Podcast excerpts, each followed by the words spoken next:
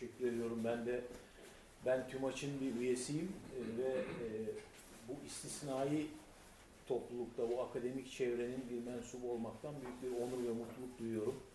Değerli hocam hoş geldiniz. Hepinize çok teşekkür ediyorum. Saygılar sunuyorum burada bulunduğunuz için, teşrif ettiğiniz için. E, bugün sunumunu yapmaya çalışacağım konu aslında bütün bir şark dünyasının ama özelde Osmanlı ve içinde yaşadığımız coğrafyanın dahil olduğumuz Doğu Akdeniz medeniyeti dünyasının en temel konularından bir tanesi. Gerek musikinin icrasında, uygulamasında, ameliyatında hem de nazari boyutlarında düşünsel e, ve açıklama e, ya dayalı modelleri içerisinde çok temel bir konu. Makam kavramı. Bunun zaman içerisinde ne gibi nazari modeller içerisinde ele alındığını, ne gibi kavramlara dayalı olarak anlaşıldığını ve bunlar arasında ne gibi irtibat kanalları olduğunu sizlere kendi araştırmalarım ışığında aktarmaya çalışacağım. E, biraz uzunca sayılabilecek bir sunum hazırladım.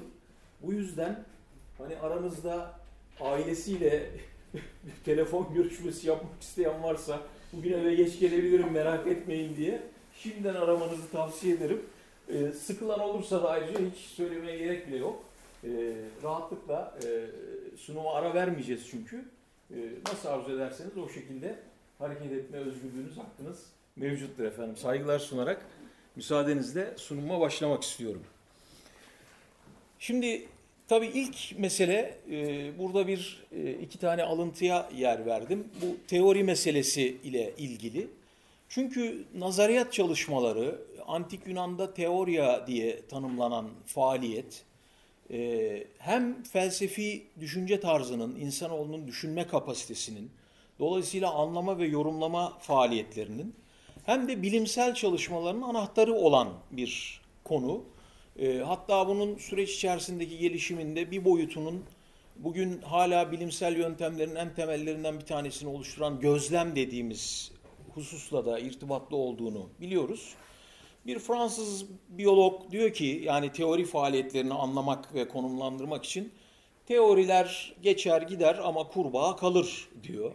Dolayısıyla yani işte birileri bir şeyleri açıklamak ister ama kurbağa var olduğu sürece bir başkasının oraya yeniden bakması, orada olup biteni yeniden açıklamaya çalışması, yeni bir model kurması imkanı vardır e, müzikoloji alanından çok değerli bir e, başka müzikolog Walter Acheson özellikle de müzik teori çalışmalarıyla tanınan önemli bir araştırmacı.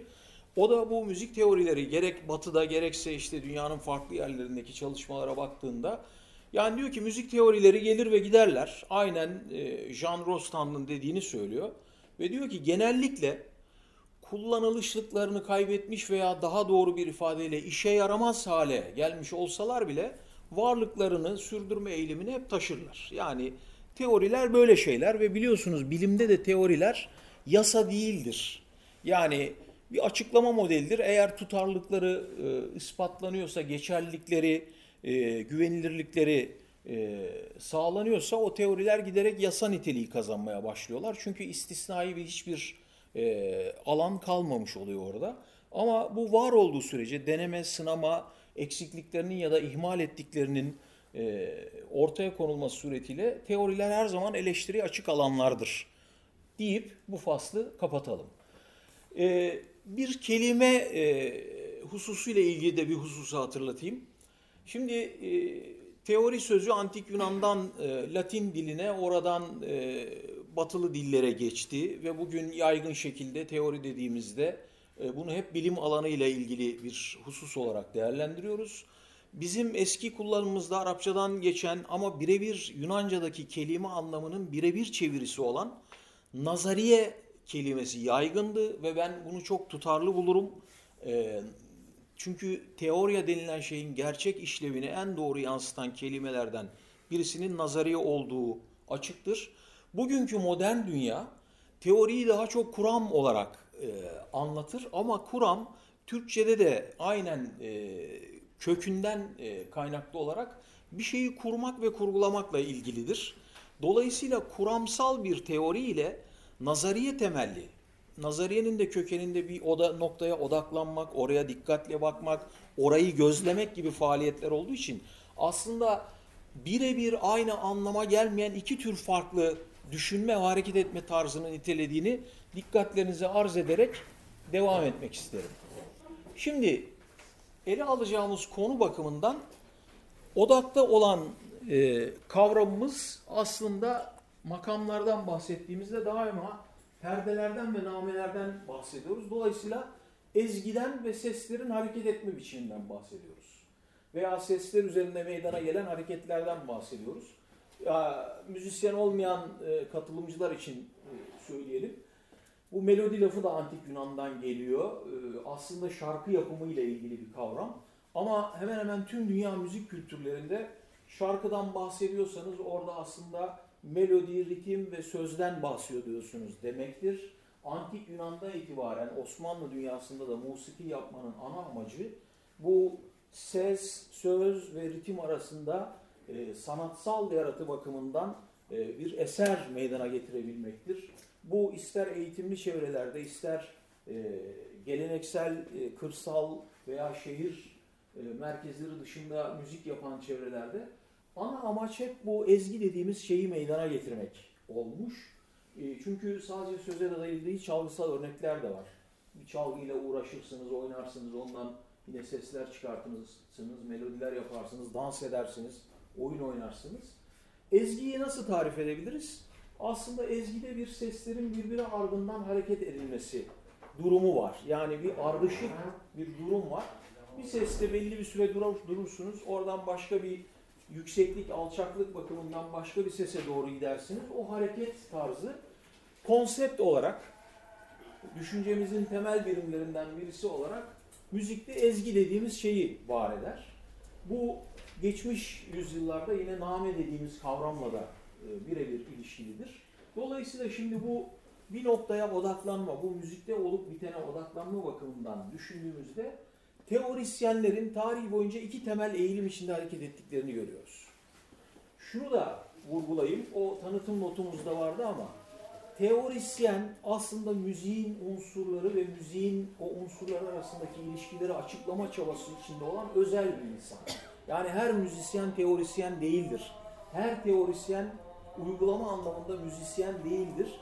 Ama teorisyenin en temel faaliyeti müzikte olan ve müziğin unsurları hakkında düşünme, onlar arasındaki ilişkileri açıklayabilme potansiyeli ve eğilimidir. O yüzden nazariyatçı ya da teorisyen dediğimiz insan tipinin tüm bu müziksel faaliyet içinde biraz daha özel, spesifik bir profile sahip olduğunu da baştan bilmemizde fayda vardır. Şimdi o zaman bu faaliyette ne oluyor diye düşünelim. Buraya basit bir grafik oluşturmaya çalıştım ben. Bu yatay eksende zamanın ve ritmin bulunduğunu düşünelim. Dikey eksende de farklı ses yüksekliklerine sahip perdeler yer alıyor. Yani belli bir frekansa sahip olan, e, belli bir titreşim sayısına sahip olan e, sesler yer alıyor. Teorisyenler ya sesler arasındaki harekete odaklı bir bakışla orada olup biteni açıklama çabası içinde oluyorlar ya da bunlar arasındaki mesafelere ve bunların düzenleniş tarzına odaklanarak bir açıklama faaliyeti içinde oluyorlar. Birazdan zaten e, sunumlar ilerledikçe, slaytlar ilerledikçe aralarındaki ilişkileri göreceğiz.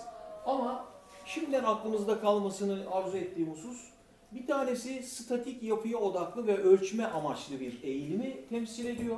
Bu da bir teorik faaliyet. Diğeri ise harekete, o hareketin bulunduğu, konumlandığı yere ve hareketin tarzına odaklı bir açıklama ortaya koymayı hedefliyor. Böylece bu iki ana eğilim e, birçok kültürde teori faaliyetlerinin odağında olmuş, o bilgi üretmenin mekanizması olmuş unsurlar olarak karşımıza çıkıyor. Burada ben kabaca bir e, sınıflandırma yapmaya çalıştım. Bu iki temel nazar ediş yani burada o müziğin unsurlarına odaklanma anlamında kullanıyorum bunu. Yoksa nazar etme ne olur? Çalış senin de olur gibi bir durum söz konusu değil burada. Ee, bir tanesini şöyle adlandırıyorum o yapıya odaklılığı dizi merkezli nazariyeler. Diğerinde hareket odaklı olanı da ezgi merkezli nazariyeler diye e, adlandırıyorum ben. Ve burada e, görebilirsiniz o sütunlar boyunca aslında mantıkları arasında yönelim bakımından çok temel farklılıklar var. Yani aynı şeyi açıklamak istemelerine rağmen teorik yönelimleri ve dikkat kesildikleri hususlar birbirinden ciddi şekilde farklılıklar arz ediyor. İşte bir tanesi mesela perdelere odaklıyken diğeri bunlar arasındaki mesafelere odaklı. İşte bir tanesi devir, daire, dizi gibi kavramlar kullanırken diğeri makam, yer, mahal, mertebe, mevki gibi kavramları kullanmaya odaklı. Bir tanesi e, sabit ve değişmez bir e, yerleşim öngörürken diğeri per, namenin hareket ettiği bölgeye odaklanan, dolayısıyla değişik konumları e, anlamaya ve oraya olup biteni açıklamaya çalışan bir modeli öngörüyor gibi detayları var. E, çok da e, şey yapmayalım ama yönelimleri birbirinden farklı. Şimdi benim buradaki sunumumda ben e, kendi araştırmalarım sırasında da ortaya koydum ki e, bizim elimizde İslam'dan Osmanlı'ya, Osmanlı'dan Cumhuriyet'e ulaşan süreç boyunca şekillenmiş musiki nazariyatı ile ilgili kaynaklar aslında bu iki temel teorik yönelim içerisinde sınıflandırılabilir görünüyor zaten. Fakat ilginç olan şey şu, bu kronolojik bir anlatımdan ziyade modellerin ilkesel olarak dayandığı hususlara odaklı bir e, sınıflandırma benim buradaki çalışmam. Bu aralık, cins, oktav, daire, şed, dizi gibi kavramları esas alan dizi merkezli yaklaşımlardan ilki İslam nazariyecilerin antik Yunan'dan öğrendikleri ve giderek üzerine e, yeni bilgiler ilave ettikleri devir, daire ve şed kavramlarının merkezde olduğu bir model. E, ben bunu o demin ilk e, tanımladığım kuramsal bir yani o kontemplatif dedikleri tarzdaki bir model olarak değerlendiriyorum. İkincisi de Cumhuriyet dönemine gelen Osmanlı'nın aslında son dönemlerinde başlayan Avrupa müzik teorisiyle mukayeseler ve giderek Avrupa müzik teorisinin merkezi bir konuma geldiği tonaliteye dayalı. Yani Avrupa müzik teorisinin o armonik tonalite teorisini temel alan makamları da bunun içerisinde konumlandıran yaklaşımını bu kategoride değerlendirebiliyoruz. Buna karşılık Osmanlı dünyasında özellikle 15. yüzyıldan itibaren neredeyse 20. yüzyıl başlarına kadar getirdiği kendine özgü bir bilme modeli olarak ve makam kavramının daima temel alındığı iki temel model e, var olduğunu görüyoruz. Bunlardan ilki biraz sufi çevrelerle, biraz bu ezoterik, bil, gizli bilgi veya işte e, sembolik e, ifadelerin ön plana çıktığı, dolayısıyla da yine antik Yunan'daki bazı e, metafizik geleneklerle, felsefe anlayışlarıyla çok yakından bağlantıları olan ve benim batıni sembolizme dayalı makam modeli diye nitelendirdiğim bir model. Birazdan özelliklerini göreceğiz. Bunlar nazari modeller işte. Yani o antik Yunan'daki faaliyeti gerçekten içeren e, bir e, boyutu var. Bir diğeri de Osmanlı'da özellikle 17. yüzyılın sonları 18. yüzyılın başları itibariyle somutlaşmış. E, ve belki ilk tipik ifade edilişini Kantemiroğlu'nun ünlü çalışmasında bulan ve kompozisyona dayalı bilginin seyir kavramına odaklandığı ama buradaki seyirin birazdan ilişkilerini yine anlatacağım. Eser boyunca takip edilmesi gereken name üretimine yönelik stratejiler. Dolayısıyla mutlaka bestecilik nosyonunun teorisyenlikten öte devrede olduğu bir seyir kavramının ön plana çıktığı, Cumhuriyete de devreden, e, o süreçteki nazari faaliyetlere de devreden bir e, boyutu olduğunu göreceğiz. E, bu dört model üzerinde size bilgiler aktarmaya çalışacağım. Tabi sizlerin soruları, e, ilaveleri, katkıları olursa ayrıca bu sunum çok daha renkli bir e, boyuta gelecektir. Şimdi burada iki tane size daire gösteriyorum. Yani önce bir süre her ikisine de mukayeseli olarak bakmakta fayda var. Ama bu temsil biçiminin deminden beri açıklamaya çalıştığım iki temel hususu çok mükemmel şekilde e, temsil ettiklerini, içeriklerinin, o iki dairenin içeriklerinin birbirinden taban tabana zıt diyebileceğimiz bir mantıkla farklı olduğunu en azından görsel olarak görme imkanımız var. Burada temsil açısından, muhteva açısından ve bağlam açısından farklı nazari modellerle karşı karşıya olduğumuzu belki en güzel gösterecek iki tane diyagramdan bahsediyoruz. Yine hususiyetlerini birazdan anlatacağım ama kabaca baktığımızda daire, yıldız şekli veya bir göz bebeği şekli, bunun içerisinde de müziğe ait unsurlara yer veren bir takım semboller, işte aralığı sembolize eden veya uyumlu addedilen aralıkları sembolize eden hatların birleşimi gibi hususları ilk dairede görebiliriz. İkincisinde de avazelerdir başlığı altında işte seyyarelerden bahseden, onları e, bir takım karakterlerle toprak, su, hava, ateş gibi dört temel unsurla irtibatlandıran bir içeriği görüyoruz. İkisi iki zıt teorik yönelimin en mükemmel ve bizim Osmanlı e, İslam İslam ve Osmanlı e, nazari geleneklerinde karşımıza çıkan temsilleri olarak görülüyor. Bu tablo e, sunum boyunca anlatılacakların bir anlamda biraz e, bir genel çerçevesini temsil eder. Nazari model dediğimizde bundan ne anlamamız gerekir? Yani o nazari modeller içerikleri bakımından nasıl tespit edilebilir? Burada e, özet bir şekilde sanki onu aktardığımı düşünüyorum. Çünkü mesela bir nazari modele baktığımızda bu model hangi temel kavramı esas alıyor? Ee, bir şeyi açıklama ya da tarif etme tarzı ne? Yani nelere dayanı olarak açıklamalarını meydana getiriyor? Bu unsurları nasıl sınıflandırıyor? Yani sınıflandırma tarzı ne nazari modeller içerisinde? Hangi diller içerisinde şekillenmiş bu nazari modeller? Çünkü bir nazari modelin Arapçada ve Farsçada ifade edilmesiyle Türkçe'de, Osmanlıca'da veya Rumca, Ermenice kaynaklarda ifade edilişinde en azından e, takip edilen mantık bakımından bazı farklılıklar olduğunu çok net görüyoruz ve biliyoruz. Ama en önemli ve en temel göstergelerinden bir tanesi nasıl bir terminoloji kullanıyor. Yani bir e, teoriyi anlamamıza yol açan o nazari model ne tür kelimeler, terimler üzerinden bu açıklamayı meydana getiriyor. O zaman bir nazari modeli değerlendirirken burada sunmaya çalıştığım beş temel kategorinin o modelleri anlamakta birer anahtar olarak kullanılabileceğini rahatlıkla ifade edebiliriz. Şimdi bunlardan ilki e, hızlıca bazı detaylarını geçelim. Devir nazariyesi. Devir tabii bir konsept. Yani bunun felsefi temelleri var, e, inanç boyutuyla ilgili temelleri var. Değişik dinlerde ve o dinlerin e, sembolleri içerisinde yer alıyor.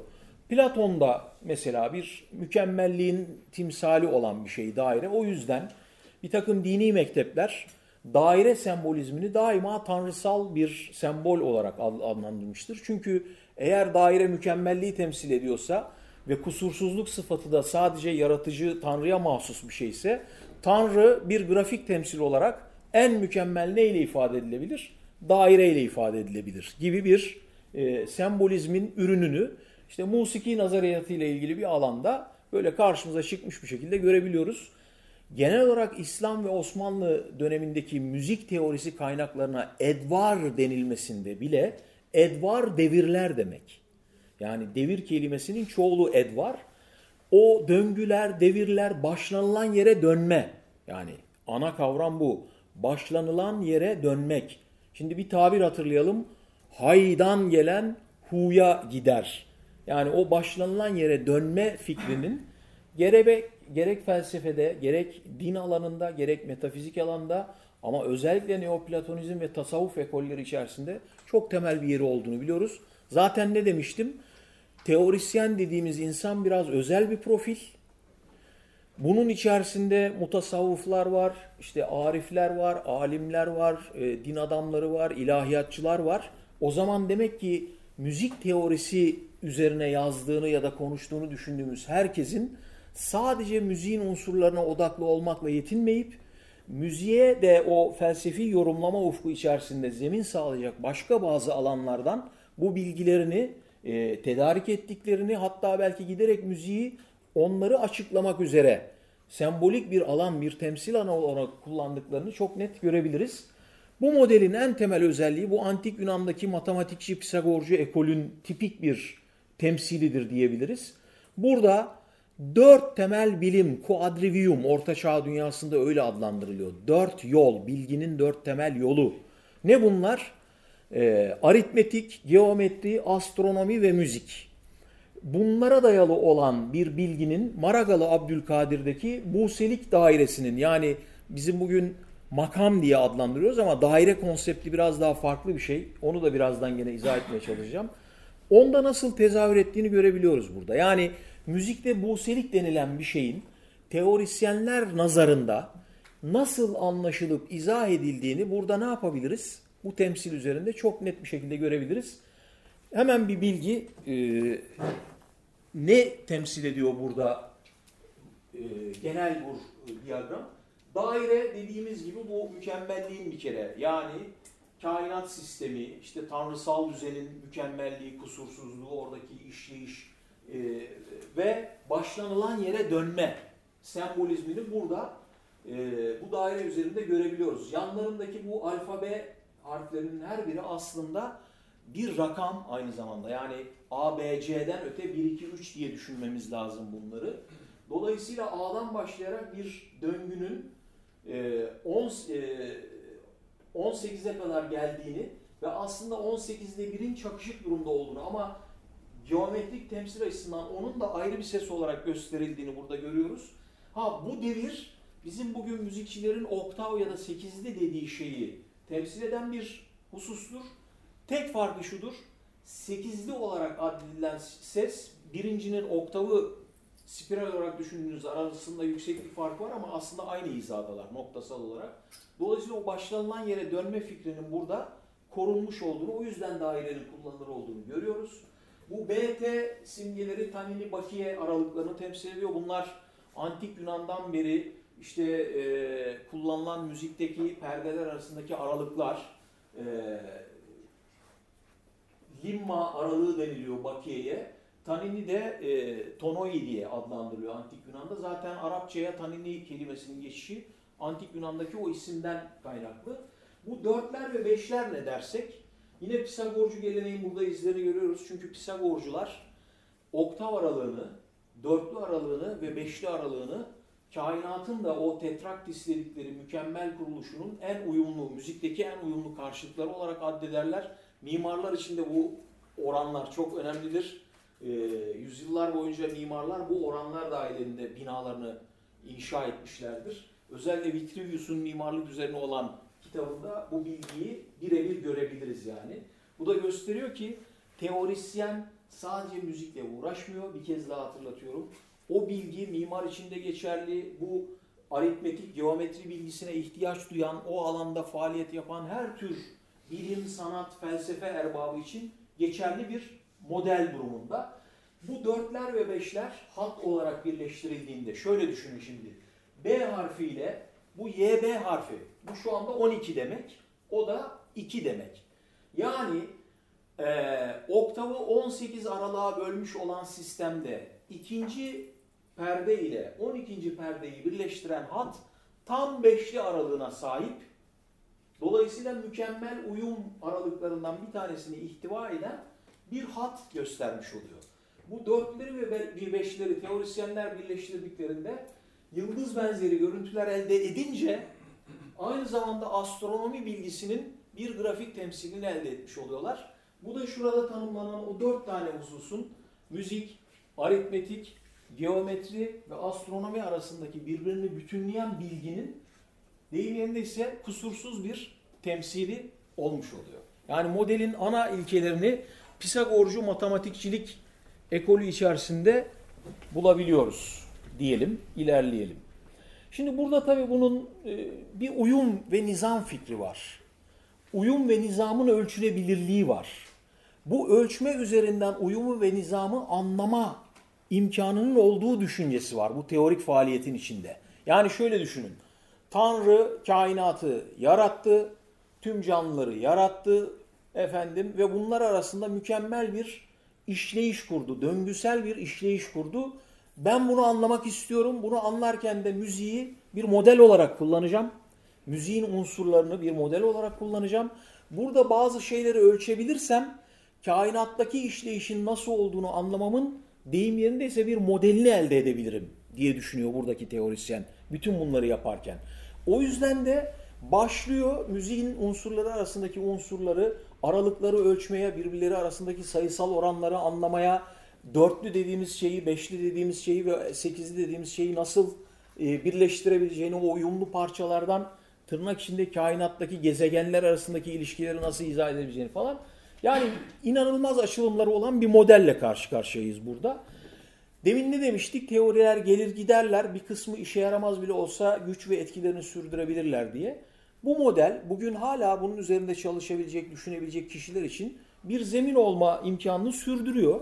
Bütün mesele buna odaklanıp neyi anlatıp neyi anlatmadığını, neyi kapsamına dahil edip neyi hariç bıraktığını eleştirel bir gözle bugün daha iyi anlamaya çalışan bir gözle ele almaya dayanır. Sistemin içerisinde bakın nazariyecilere göre ama dikkat edin nazariyecilere göre üç tip aralık olduğunu iddia ediyorlar ezgi yapımı için. Bir tanesine tanini, bir tanesine bakiye, bir tanesine mücennep diyorlar. Bu tanini dedik antik Yunan'daki tonoi, bakiye, limma dedikleri aralık birebir kalıntı denilen yani dörtlüden iki tane tonoi'yi çıkartırsanız geriye kalan aralıktır bu. Pisagorcu nazariyeye göre bu uyumsuz bir aralıktır. Yani kendisinde uyumlu melodiler üretme kabiliyeti olmayan bir aralıktır. Mücennep bu aralığın uyumsuzluk ve uğursuzluk vasfını bertaraf etmek için teorisyenlerin geliştirdiği ve uyumlu güzel aralıklar yapılması için kullanılmasını icracıya telkin ettiği. Yani icracı baki aralığıyla müzik yapıyorsa bak sen aslında uyumsuz bir aralıkla müzik yapıyorsun. Mücennep aralığıyla müzik yap. Daha doğru uyumlu melodiler elde edersin.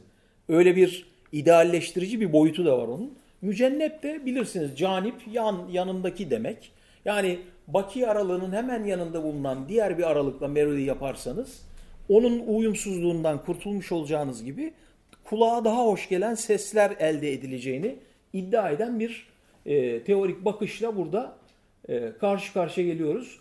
Mantığı da belli yani şey gibi Lego parçalarına benziyor bu.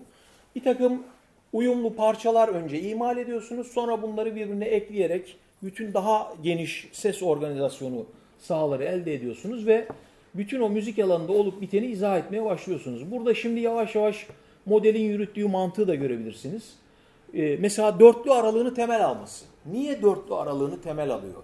Bu sorunun müzik içerisinde düşünüldüğünde hiçbir ikna edici karşılığı yok. Yani hani dörtlüyü üçlüden, dörtlüyü beşliden, dörtlüyü altılıdan daha üstün kılan aslında hiçbir meziyeti yok. Ama dörtlünün Pisagorculuk içerisinde çok temel bir rol var.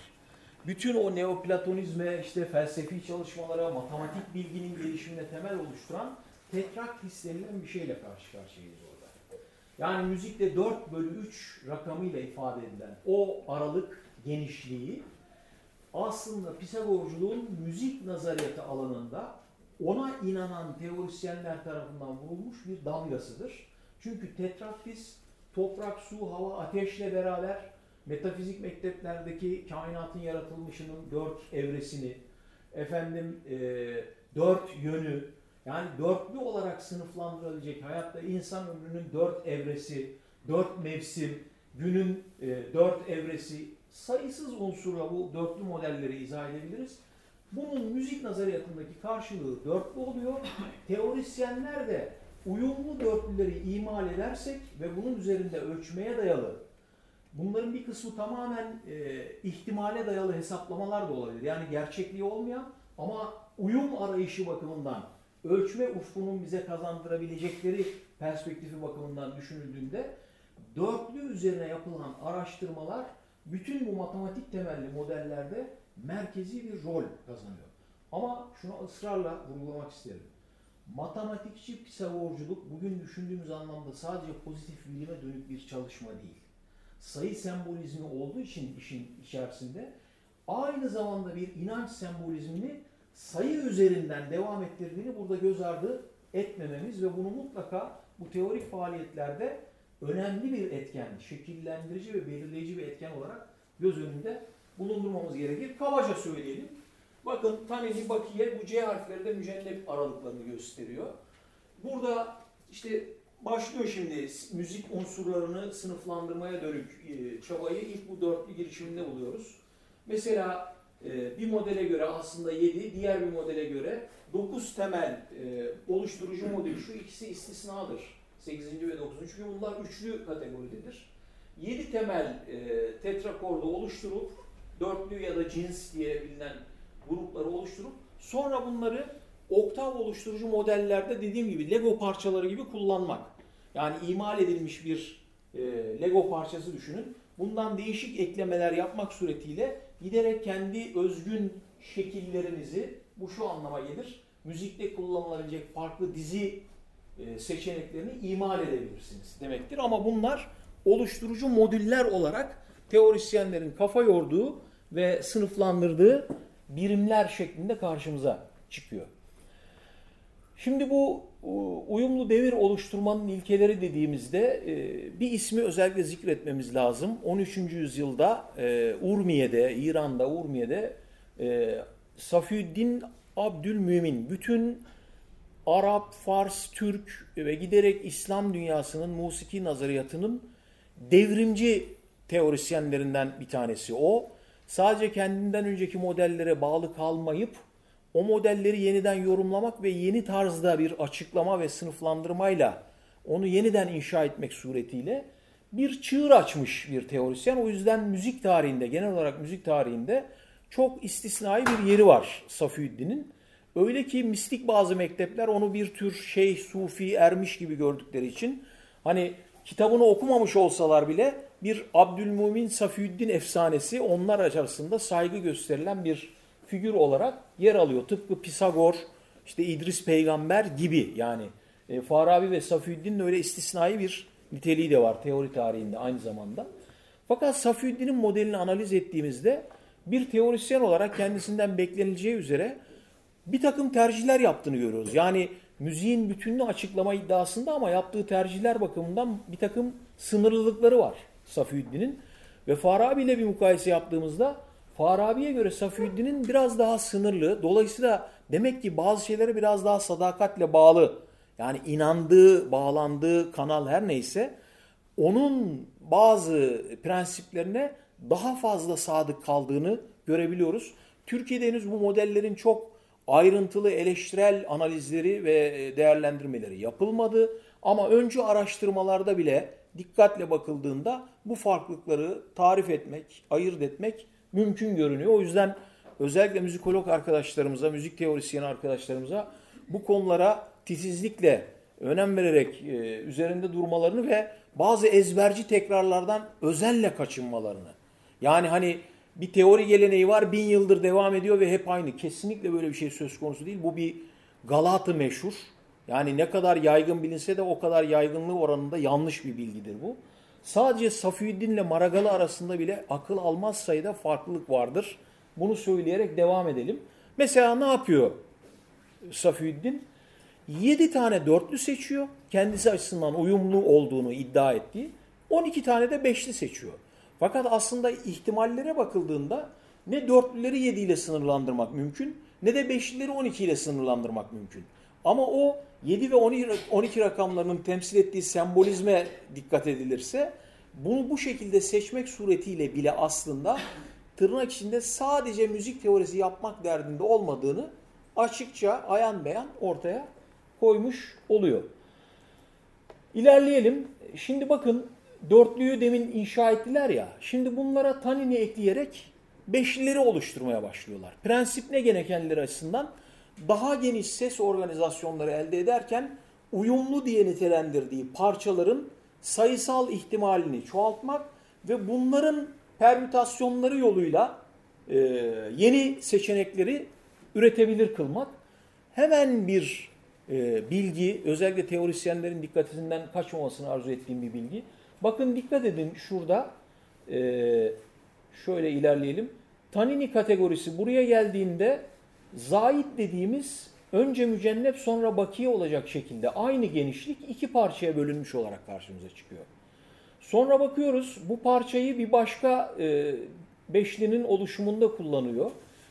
Daha da ilgincine şu seçeneğe bakarsanız açık seçik görürsünüz ki burada aslında dörtlü aralığı yoktur.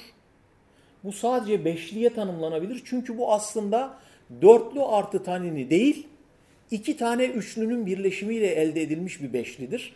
Sadece bu bile hani Yalçın Tura hocamızın bir tabirini kullanalım. Safiüddin sisteminin o teorik mükemmelliği, görünüşteki mükemmelliği açısından sistemin içinde bulunan büyük bir çatlağa işaret eder.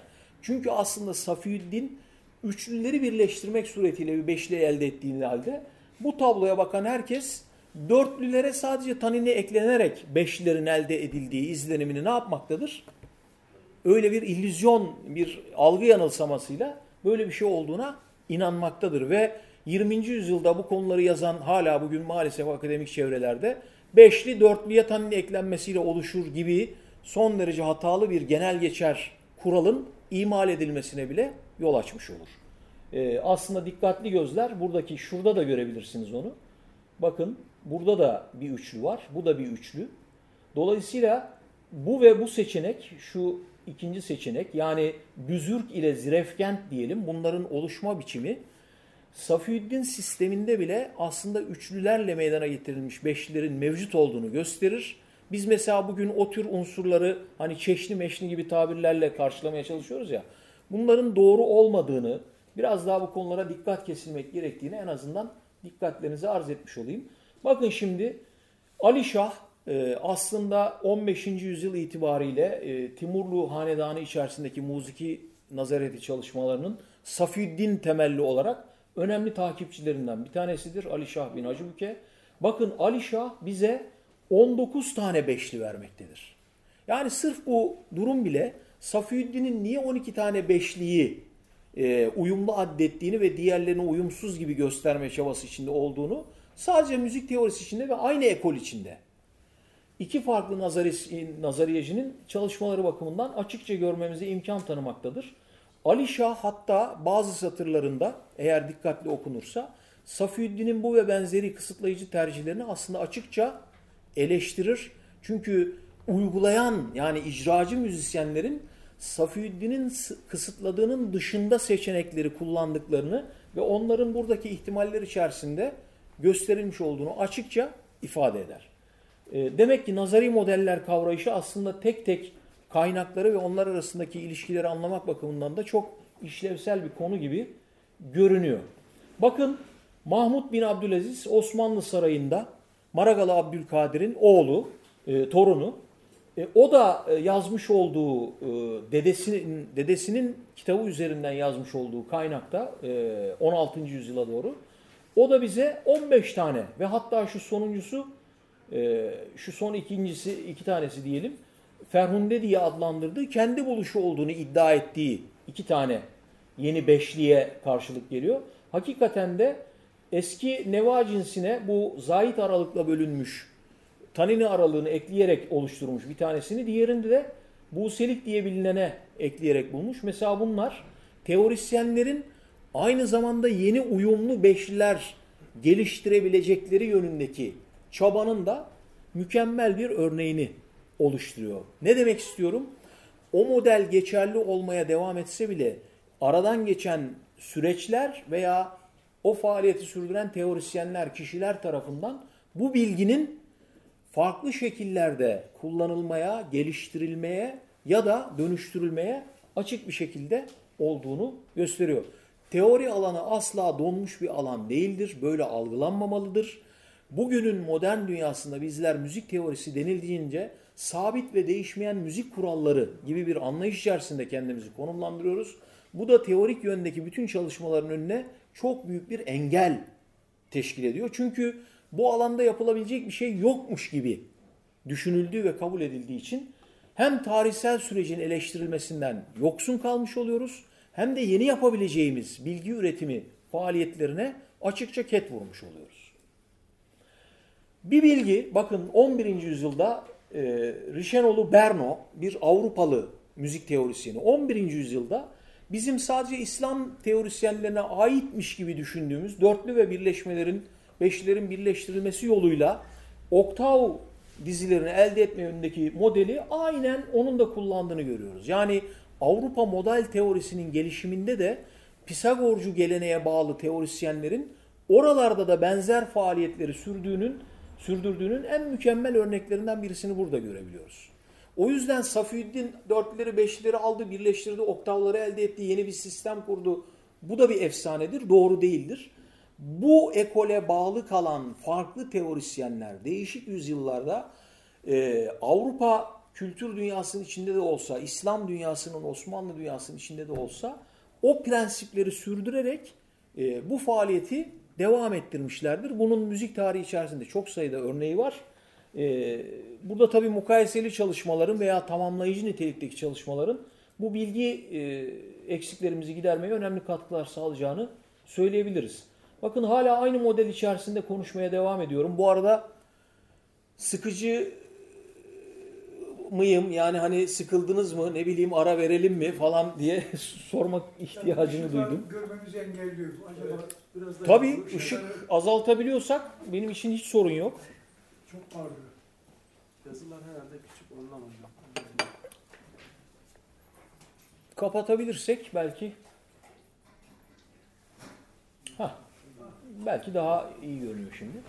Bakın ben burada bir mukayese yaptım. Yani bu sistem içerisinde niye uyumsuz addedilenler var, niye uyumlu addedilenler var?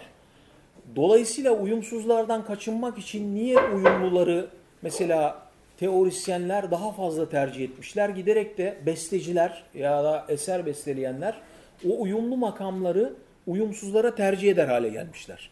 Demek ki teorisyenler icracı müzisyenlerin bazı yönelimlerini belirlerken önemli bir etken haline de gelebiliyorlar. Yani müdahale, teorik müdahale giderek müzik yapma biçimlerini ne yapabiliyor? Yönlendirebiliyor. Buna 20. yüzyılda gene geleceğiz zaten. Bakın şöyle bir bakılırsa eskilerin uşşak dediği, bugünkü değil, eski nazariyecilerin uşşak dediği e, dörtlü tanini, tanini ve uyumsuz bakiye aralığını içeriyor. Buna karşılık kelimeye lütfen dikkat edin. Rast. Bir açıklama, hatırlatma. işiniz rast gelsin.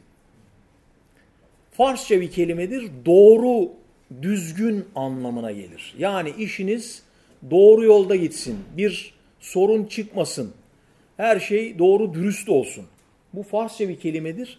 Niye buna bu doğruluk addedilmiştir? O uyum, nizam gibi kavramlar açısından rast kelimesine yüklenen anlamın bile çok manidar olduğunu dikkatlerinize sunmak isterim. Bakın rast dediği uşakla arasındaki farkı burada görebiliyorsunuz. Şu uyumsuzdan kaçınmak için S sayır yani küçük mücennep. Mücennebin küçük olanı. Bakiye'den hemen hemen böyle bir 22-24 sent kadar daha geniş bir aralık. İşte bizim şimdiki yerleşik müzisyen jargonumuzda ona bir koma diyoruz ya. Bir, bir koma kadar daha genişçe bir aralık. Teorisyen böylece ne yapmış oluyor? Uyumsuzluktan kaçındığı gibi böyle elde ettiği yani tanini büyük mücennep ve küçük mücenneple elde ettiği uyumlu yapıya rast adını vermiş oluyor. Bu rast sonra bütün neredeyse müzik teorisi çalışmalarında baş perde olmaktan tutun temel makam olma statüsünde kazanıncaya kadar uzun bir macera yaşayacak. Yani onu biliyoruz.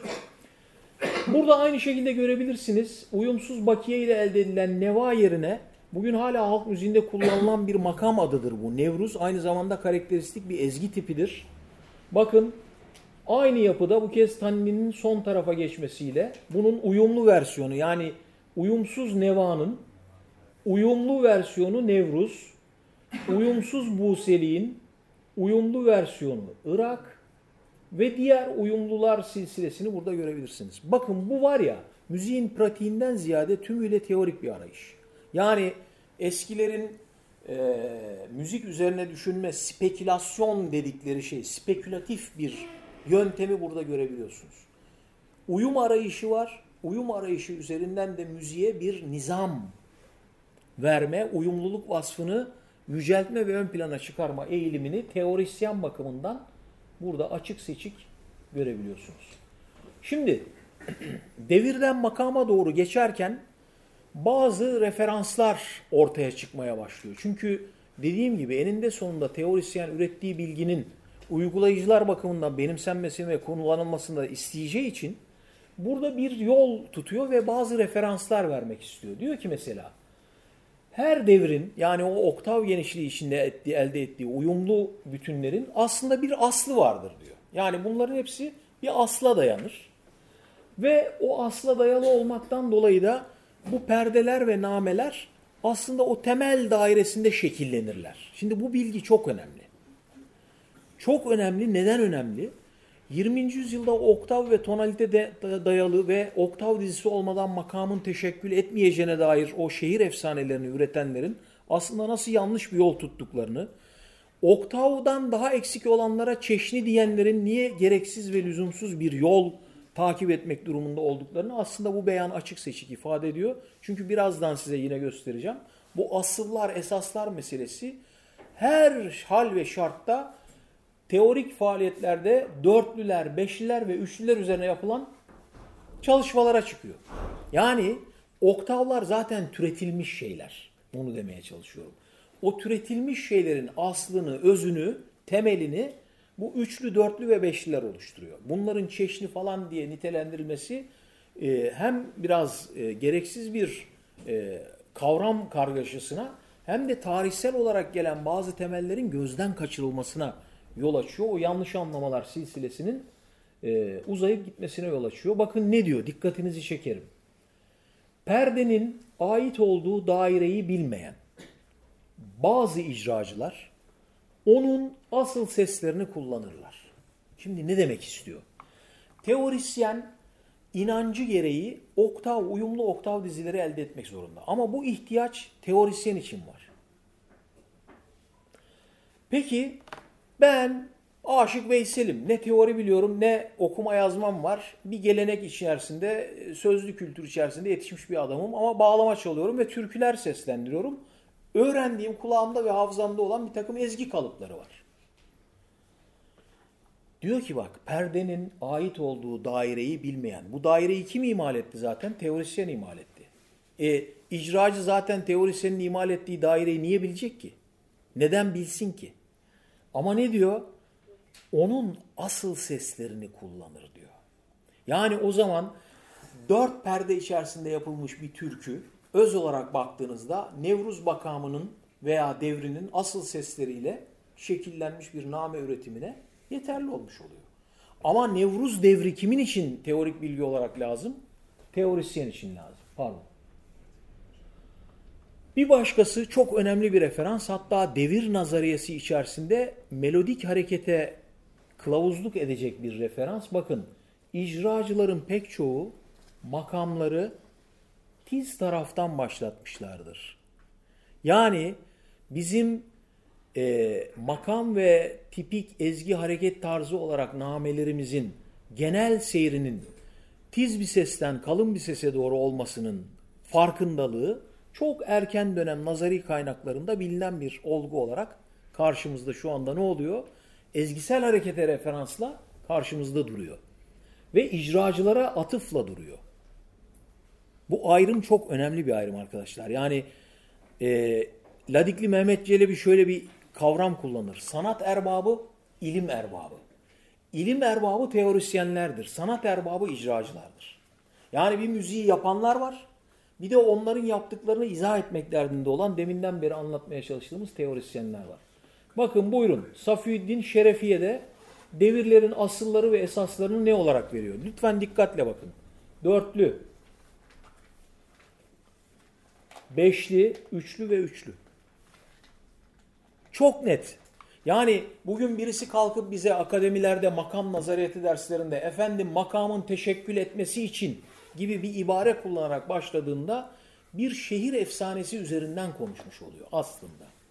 Makamın teşekkülü denilen şey eserin teşekkülüdür.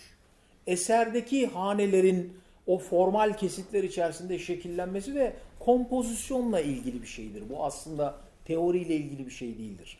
Türkiye'de en önemli hatalarımızdan bir tanesi kompozisyona dönük bilgiyle müzik teorisi alanına dönük bilgiyi birbiriyle her cümerç etmemiş olmamız, bizden önceki kuşakların bunlar arasındaki ayrımlara dikkat etmemiş olmasıdır. Makam teşekkülünden bahsedilen bir bestekarın falan makamda eser bestelerken o eseri nasıl hanelere, o nameleri nasıl oluşturacak, ne gibi imkanlardan yararlanacak, kendine özgü bir nameyi nasıl şekillen, bu, kastedilen budur. Yoksa makamın bizatihi kendisi, birazdan göreceğiz o bestesel seyir modeline geldiğimizde, biz bugün makamın kendisini potansiyel bir ezgi olarak algılıyoruz. Bu doğru bir yaklaşım değil. Dönüşmüş bir modelin ürünü olan bir yaklaşım bu. Burada meselenin çok net olduğunu görüyorum ve geçiyorum. Bakın Abdülaziz bu sefer devirlerin asıllarını, esaslarını veriyor. Dikkat edin. Dörtlü, dörtlü, beşli, üçlü. Bu kadar net. Yani şunu anlayabilirsiniz. Devir eğer oktav bütünlüğü bakımından bir nazari bir kavram ise bunların asılları ve esasları ve name yapmaya yeterli olacakları, name yapmaya yeterli olacak olanları dörtlü, beşli ve üçlü kategorileri içerisinde zaten devirlerin nesini oluşturuyormuş? Asıllarını, esaslarını ve temellerini oluşturuyormuş. Devam edelim. Hocam affedersiniz. Buyurun. Demin 10 dakika sonra yeniden başlatılacak diyordum. Öyle mi? Arada Ha. kesmesin isterseniz onu kapatın. Nasıl yapalım? Ye- Yeniden mi yapalım Öyle bunu? bir şey bir şey yüklüyorduk. Ee, şöyle yapalım bir dakika. Bir küçük ara şu anda 21. slayttayız. Ee, şu, ha, şunu bir 4 saat yapalım. 4 saat sonra artık helalleşeceğiz diyelim ya. evet. Safiyeddin'in bizzat kendisi e, eserinde bir terim kullanıyor. Bu terimi hepinizin dikkatine yeniden arz etmek isterim. İntikal terimi. E, İbn Sina'da, Farabi'de olan bir terim bu. Antik Yunan'da olan bir terim. Çok önemli bir terim. Bizim bugün seyir diye anlattığımız her şeyi aslında kapsamına alan bir terim. Dolayısıyla belki akademik çevreler bakımından yeniden müzik terminolojisi içerisine kazandırılması gerektiğini düşündüğüm bir terim. İntikal. Ee, diyor ki Safiyeddin, namelerde intikale yani bir sesten diğerine geçmeye, onlar üzerinde hareket etmeye, seyir etmeye, perdeden perdeye geçmeye ya tiz taraftan veya pes taraftan ya da en tiz ve en pes taraftaki nameler arasında herhangi bir noktadan yani bir orta bölgeden başlanır. Şimdi bizim bazı makamlarımız var ya Kantemir hani bir sınıflama yapıyor. Pes namelerin makamları, tiz perdelerin makamları gibi bir ayrım yapıyor ya. Öteden beri müzik içerisindeki ezginin hareket tarzı zaten o seslerin konumlanışı bulunduğu yer, makam nazariyatının temel bilgisi, referansı. Zaten o namelerin nasıl hareket ettiğini, hangi bölgeler içerisinde bulunduğunu, nerelerde merkezleştiğini anlamaya çalışıyor. Buradaki sorun devir nazariyesine e, dayalı teorisyenlerin her şeyi oktav içerisinde anlama çabaları. Çünkü oktav aynı zamanda mikrokozmos ile makrokozmos arasındaki ilişkiyi ölçmenin ve o ölçme üzerinden uyumu ve nizamı anlamanın bir anahtarı, bir aracı, bir aparat bu. Teorik bir aparat. Bu bir kural değil. Bu bir e, icracı her müzisyenin mutlak riayet etmesi gereken bir husus değil. Bu tamamen teorisyenin ihtiyaç duyduğu bir şey. Anlamak için ihtiyaç duyduğu bir şey. Ve imal etmek yani hani nasıl teknoloji geliştiriyoruz? Bu teknoloji geliştirmeyle ilgili bir şey. O uyum ve nizamı anlamak için benim ölçmeye ihtiyacım var. O ölçmede de dörtlü, beşli ve oktav matematikçi, Pisagorcu ekolden beri bu müzik teorisyenliği yapanların temel araçları olmuş durumdadır. Devam edelim. Aynı referansları Maragalı Abdülkadir'de buluyoruz. Ezgisel harekete yani Osmanlı dünyasının makam nazariyatı diye geliştireceği bilgiye dair ilk temel referansları buralarda da buluyoruz demeye çalışıyorum. Sadece devir nazariyesini üretenler o matematikçi bütün zorlamaya rağmen aynı zamanda hareketin gerekliliğini açıklama ihtiyacını o zaman da duymuşlar. Bakın ısfahanek diyor bunun sesleri şudur ama burada melodinin hareketi tiz taraftan başlar diyor. Dikkatinizi çekerim. Bir başkasında icraların pek çoğu makamları tiz taraftan başlatmıştır. Dügah bakın dügah makamı. Bu şundan oluşur ama başlangıcını pes taraftan yaparlar. Bizde şimdi bu eski dügah bizim kültürümüzde uşak makamına dönüştü. Hani böyle bir parantezçi bir bilgi vereyim. Bilinen en eski uşak makamındaki eserlere baktığımızda hepsinin o rast perdesine bir yaslanıp dügaha doğru çıktığını hep görürüz. Bakın. Ram diye o girişi hep görürüz böyle. Demek ki o zamanlarda bile teorisyen biraz dikkat ettiğinde en azından dügah diye tanımladığı o melodik hareketin temelinin pes taraftan başlanarak yapıldığının nesinde farkında. Ali Şah 16. yüzyılda bakın bütün sayıyor şunları diyor ki bunlar diyor nadiren bütün sesleriyle kullanılır. Ama teorisyenler bunların hepsini oktav dizileri olarak açıklıyorlar. Ama bak ne diyor? Nadiren tüm sesleriyle kullanılır. Gene o asıllar meselesine dönelim. Ne diyordu adam? İcracılar bu devirlerin as asıllarını kullanırlar. Ait olduğu daireyi bilmeyenler devirlerin asıl seslerini kullanırlar. Aynı şeyi söylüyor. Bakın her makamın kendine mahsus birkaç perdesi vardır. Ne için? Name yapmak için. Bu perdeler o makamın kısımları için merkez oluşturur. Çok güzel. Diğer perdeler bu merkez etrafında şekillenir. Çok basit bir soru. Rast makamının merkezi neresidir diye sorsam size. Hangi perdedir? Rast perdesidir. Rast makamında bir name yapmak istiyorsanız arkadaşlar uyacağınız kural şudur. Bir, tam perdeler düzeni içinde olacaksınız. Yani kullanacağınız perdeler sistemin ana perdeleri olacak. Rast perdesini merkez alacaksınız. Bunun etrafında inen ve çıkan bir name yapıp başladığınız yere dönerseniz siz rast makamında bir name yapmış olursunuz. Başka hiçbir imkanı yoktur bunun. Yani rast makamında name yapmak için Gerdaniye perdesine çıkmak, oradan rasta gelmek, nişabur geçkisi böyle bir şey yok. Bunlar bestecinin imkanları. Bestecinin imkanları ve bestecinin yaratıcılık ve özgürlük alanları. Bu kompozisyonla ilgili bir şey. Ama nazariyeci için yani makam kavramına dayalı bir nazariyeci için yaptığınız name rast mı değil mi? Tam perdeler, rast perdesi merkezde, inici ve çıkıcı bir hareket. Bitti. Yaratıcılık artık besteciye kalmış. Name yapana kalmış yani. Bakın görüyorsunuz devir ve makam ilişkisine doğru gidiyor. Çünkü Maragalı Abdülkadir'i biraz Safiüddin savunucusu biri olarak görmek gerekir ama icracı ve bestekar olduğu için Safiüddin'den birazcık daha farklı nitelikleri var. Bir de o yüzyılda Safiüddin'le rekabet eden ikinci bir nazariye Dürretüt, e, Dürretüt Tac'da Kutbettin Şirazi biraz daha mistik bir ekol üzerinden geliyor. Bunun ilişkilerini tabii etraflı olarak ele almamız lazım. E, her birinin ayrı ve özenli çalışmalara ihtiyacı var. Biraz kabul edilmiş şablonlar dışında araştırılmaya ihtiyacı var. Onun altını çizeyim. Bakın ne diyor lütfen dikkat edin.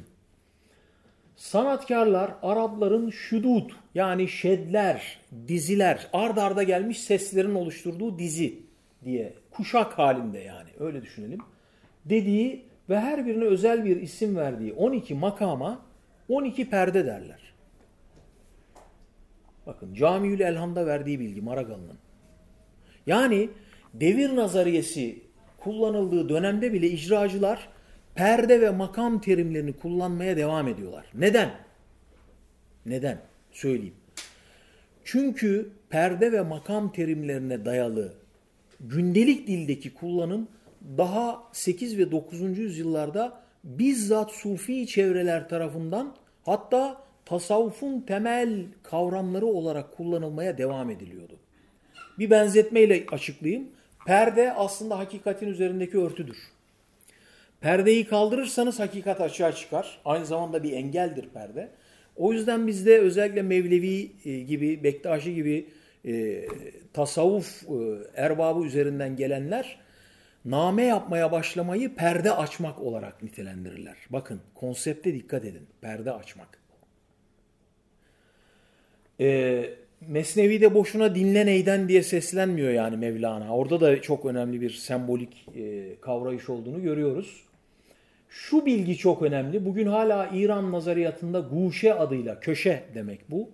Köşe de yer demektir. Onu dikkatinize sunayım. Yani hani bir köşeye çekildi artık veya kendi köşesine çekildi demek. Hani kendi yerine, dünyasına çekildi. Orada varlığını sürdürüyor. Aynı kelimeler olarak birbiriyle kavramsal bir akrabalık içinde olduğuna dikkat edelim. O e, şudut, devir, daire, makam, perde ve köşe, guşe kelimeleri arasında yüzyıllardır devam eden bir akrabalık olduğunu da burada aslında açık seçik görebiliyoruz. Bu ne demek? Müzik terminolojisinin tarihi boyutları üzerine yapılabilecek kapsamlı araştırmalar aynı zamanda teori bilgimize çok önemli katkılar sağlayacak. Mesela Avaz ederken ne kastediliyor? Sadece seyyare mi? Avaz, sada, nida, ses kelimeleri arasında da bir süreklilik var mı? Bunları daha iyi anlayabileceğiz gibi görünüyor. Makasüdül Elham'da bu kez diyor ki icra erbabı nezdinde perde 12 makam olup Araplar bunlara şudut, Acemler ise perde ve makam diye adlandırmıştır. Bunlara meşhur devirler de derler. Bilindiği gibi her birine hususi bir isimde verilmiştir. Bu şimdi şu verdiği bilgiler bizim için altın değerinde. Çünkü ezginin hareket tarzına odaklanan nazari faaliyetlerin çok erken dönemlerden beri bu çalışmalarda anahtar bir yeri olduğunu görüyoruz. Yani sadece diziler peyda etmek değil, aynı zamanda bunun içerisinde namelerin nasıl şekillendiğini, hareket ettiğini anlamak da e, teorisyen bakımından önemli bir mesele gibi görünüyor. Bu Makasüdül Elhan'dan bir sayfa. E, tipik işte daire dediğimizde o birlik ve uyumun altı temel e, devir açısından Maragall tarafından nasıl temsil edildiğini ve bunun kuadriviuma tekabül ettiğini orijinal olarak görebilirsiniz. 1418. Bunu biz hani bugünkü Porteli efendim Avrupa notasyonuna dayalı bir sisteme aktardığımızda devirle izah ettiği şeyin işte mesela Uşşak devri için Uşşak dörtlüsüyle beşlisinin birleşiminden elde edilmiş ama kural olarak dörtlü daima alt tabakadadır. Niye? Temeldir. Nazari olarak bu hep böyledir. Bu yüzyıllarca bugün yazılan maalesef bir takım doktora tezleri, yüksek lisans tezleri görüyoruz. Şu gösterimi ezginin karar sesi olarak algılıyor. Bu doğru değil. Bu doğru değil. Bu sadece nazari bir gösterim. Ezgi yani şurada karar ediyor olabilir. Fakat nazarisyen, e, teorisyen dörtlüyü temele alarak bu devri inşa etmek zorundadır. Burada yine teorisyenle icracı arasındaki farkı ve ürettiği bilginin kısıtlayıcı bazı ön şartlarını açık seçik görebiliriz. Hiçbir zaman devirler beşliyle başlamamıştır. Size bir bilgi yani. Mutlaka niye? Gene Pisagorcu Tetraktis dörtlüyle başlamak zorundadır. Bütün devirler. Devam edelim. Burada işte e, görebilirsiniz antik Yunan'dan itibaren hem aralıkların nasıl adlandırıldığını hem ne gibi oranlara dayalı olduğunu, bu oranları araştırmak başlı başına kendisi bütün müzik teorisindeki belki o harmonya, armoni, uyum, mülayim, mülayemet arayışlarının aslı ve esası diye e, düşünülebilir.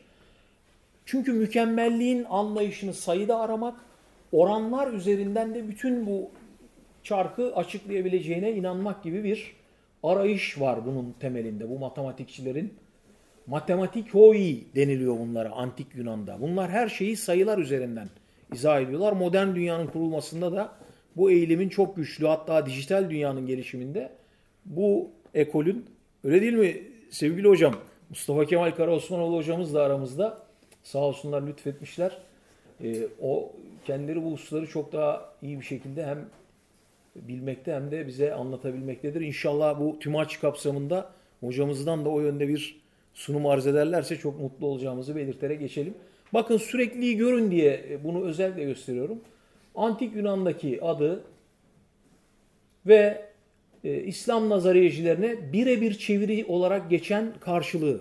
Yani Kindi, Farabi, İbn Sina, e, efendim Oradan Safiüddin'e gelen çizgi, Safiüddin'den Maragalı'ya e, gelen Ladikli Mehmet Çelebi'ye uzanan çizgi hep bu mantık içerisinde düşünerek bu adlandırma sistemini korumuş teorik bakımdan ve sürdürmüştür arkadaşlar.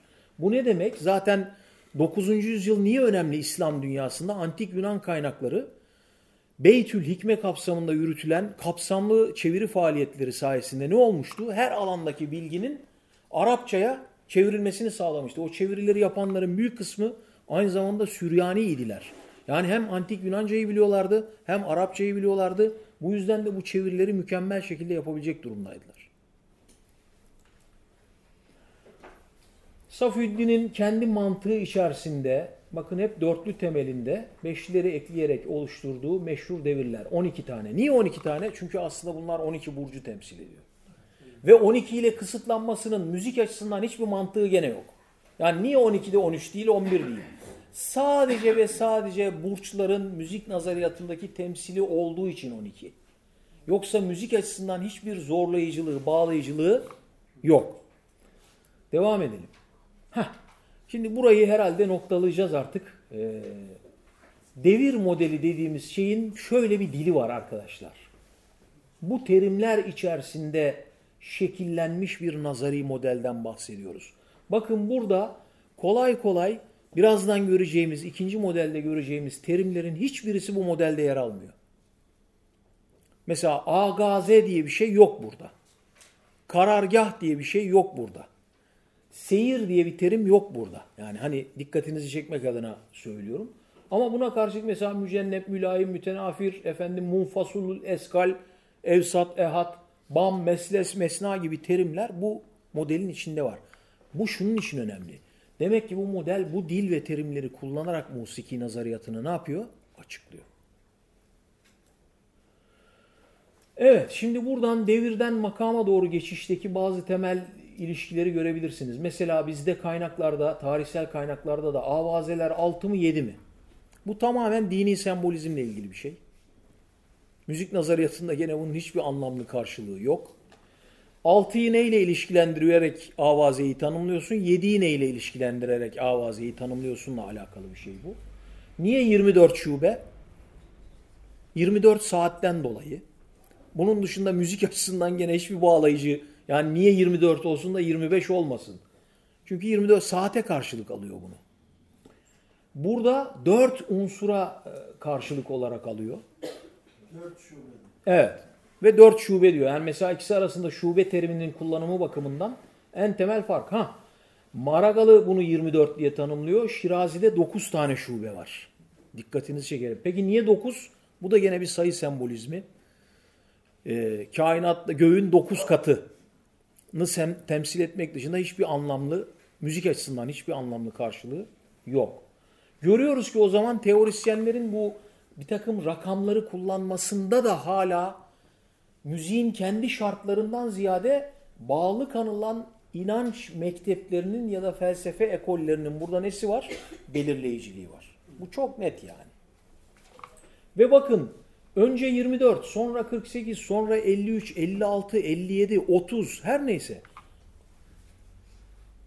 Saat, hafta, ay bunların unsurlarıyla takvime bağlı unsurlarla ilişkilendirdikleri için zamana ait unsurlarla ilişkilendirdikleri için terkibi en nihayette yaratıcılık bakımından geldikleri yer terkipler bir nihayettir. Yani sayısız terkip yapılabilir. Niye? Zamanda akıp gitmektedir zaten. Ama önceki ekollerde sayısal kısıtlamaların hepsi hafta, ayın günleri, günün saatleri gibi e, ilişkiler içerisinde düşünülmesinden kaynaklı olmuştur. Burada işte görebilirsiniz kozmosun unsurlarıyla musikinin unsurlarının irtibatlandırılmasını. Daire ile devir kavrayışı, makam kavrayışı arasındaki tipik şeyi burada yine görebilirsiniz. İşte teorisyen böyle bütünler elde etmek zorundayken parçaları birleştirerek Lego parçalarını makam fikrine sahip olmak bakın merkezi perde onun etrafında bir name örülmesi den ibaret. Aralarındaki mesela namenin çıkış hattı, iniş hattı, karar hattı, başladığı yer. Bir ezgiyi nasıl tarif edebiliriz? İşte böyle tarif edebiliriz. Bahir kavramı anahtar bir kavram. Keşke bunun üzerine müstakil yine makaleler yazılsa, tezler yazılsa. Çünkü başlı başına araştırmayı hak eden bir konu. Antik Yunan'dan itibaren temel bir konu. Bakın dikkat edin makam bilgisine geçişte bunun rolü ne diye düşünecek olursanız yani devir kavramı varken bahir kavramına niye ihtiyaç var? Bakın anahtar cümle burası. Bahirlerde aralıklardan ziyade bahirin bulunduğu yere bakmak gerekir. Yani demek istiyor ki bugünkü dille söyleyelim. Bu neva üzerinde mi, rast üzerinde mi? Çünkü bahirin bulunduğu yer onu adlandırmada da bir farklılık yaratacaktır demek istiyor aslında.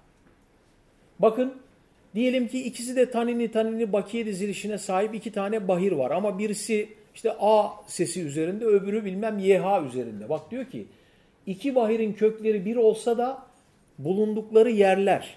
Yer dediğinde daima makam kavramını düşünün arkadaşlar. Bugünkü perspektifle değil. Spesifik bir lokasyon anlatmak istediği için yer tabirini kullanıyor, makam tabirini kullanıyor. Çünkü bunların yerleri, bulundukları, namenin bulunduğu yerler birbirinden farklıdır diyor. Ve bakın burada görebiliyoruz işte şu ve şu bakın aynı aralık dizilişine sahip ama birisi A üzerinde öbürü H üzerinde. Bulundukları yerler birbirinden farklı. Bunu demek istiyor. Bu da bizzat yine Camiül Elham'da bahirler için e, enva tabiriyle bu sefer. Çünkü sekizli dizilerin yerlerini bu sefer veriyor Maragalı. Görebiliyoruz. Evet. Şimdi Osmanlı'nın esas birikimini oluşturan batıni ve makam terimine dayalı nazari model. Bu çok özgün bir bilgi türü arkadaşlar fakat sembolik nitelikleri işlevsel niteliklerinden önde olan bir model bu. Esas işlevsel modeli 18. yüzyılda Osmanlı dünyası nazariyecileri kuracaklar. Bu model hala kullanılmaya, geliştirilmeye açık bir modeldir. Birazdan oraya geldiğimde önemini vurgulayacağım. Alternatif bir ezgi teorisi olarak Batı'nın belki Batı'da bile kaybedilmiş bazı e, referanslara ışık tutabilecek bir bilgi türüdür. Bunun öncüsü olan model budur. Çünkü burada da esas nameleri anlamaktır. Ne demek istiyorum? O statik yapı odaklı modelden şimdi neye geçildi? Ezgisel harekete dikkat eden makam terimine dayalı bir e, ezgi teorisi esaslı bir modele geçildi. Onu demek istiyorum. Burada işte e, bu modeli şekillendirirken bu biraz metafizik mekteplerle alakalı bir model. Dolayısıyla teorisyenlerin büyük kısmının o sufi dediğimiz çevrelerle irtibatı var. Ya da en azından ezoterik sembolizme bağlı kimseler bunlar. Çünkü müziği kainatın yine bir temsil alanı olarak görüp açıklama eğilimindeler. Ee, ilk öncüleri aslında 11. yüzyıla kadar geri gidiyor ama Osmanlı dünyasında ilk örneklerini 15. yüzyılda görmeye başlıyoruz. 15. yüzyılın müzik nazariyatını yazan e, teorisyenlerin büyük kısmı bu mektebe bağlıdır. Öncülerinden birisi de Kırşehirli Yusuf'tur. İşte tipik temsili yine Kırşehirli Yusuf'tan demin de arz ettiğim, e, bunu ben bu diyagramı oluşturmuştum. Yani içeriğini Türkçeleştirdim ve yeniden çizdim diyelim. Bunun içerisinde o matematik temelli bilginin hiçbirisi yoktur. Tamamen sembolik unsurlar vardır. Yani en temel farkını burada görebiliriz. Bir de tabii burada semboller yani yıldız şekilleri, efendim göz e, sembolü, daire sembolü burada çok daha anlam kazanan, önem verilen bir husus olarak karşımıza çıkıyor. Şunu da altını çizerek vurgulayayım. Makam araştırmalarında artık bunu bir e, başlangıç noktası kabul etmek zorundayız. Bu Farsça'da gahla, yer, Türkçe'de yerle, mahal, mertebe, mevki, mevzi gibi tüm kelimelerin makamla eş anlamlı olduğunu, süreç içerisinde makamın özellikle tasavvuftaki yaygınlığından musiki nazariyatında da en yaygın kelime haline geldiğini bilmemiz lazım ve araştırmalarımızı artık bunun üzerinden getirmemiz lazım. Yani biraz ezberimizi ve doğru kabul ettiğimiz hususları gözden geçirip e, yenilememizde bilgiyi yeniden üretilebilir hale getirmeye gayret etmemiz lazım. Bir adam makam dediğinde aslında basitçe mahal demektedir, mertebe demektedir, gah demektedir, yer demektedir. Bunu bilmemiz lazım yani. Evet. Yoksa e, efendim dörtlü ile beşlinin birleşiminden bir dizinin bilmem ya bu, bu değil yani asla değil. Hiçbir şekilde değil yani. Evet bakın bu modelin aslında anahtar kelimesi e, antik Yunan'dan itibaren müzik felsefesi de diyebileceğimiz bir alana temel teşkil eden alemlerin musikisi kavrayışı. Yani the harmony of the spheres veya the music of the spheres. Yani bütün kainattaki o gezegenlerin dönüşlerinden bir ses çıkardıkları, bir avaz çıkardıkları, o avazın ancak bilge, şeyh, e, hakim kişilerce duyulabilir nitelikte olduğu, dolayısıyla biraz böyle insanüstü bir vasıf gerektirdiği, e, ama bir benzetme olarak insanların müzikte çıkardığı seslere benzer nitelikte bir şey olduğuna dayalı bir kainat kavrayışı modeli bu. Alemlerin ahengi, musikisi, uyumu. Bakın referans verilen isimler İdris peygamber, bu Hermes Trismegistus, bu adam üç kere yüce Hermes demek tanrılardan aldığı mesajı insanların anladığı dile çeviren bir tür peygamber bu, elçi. Ve bütün gizli ilimlerin kaynağı.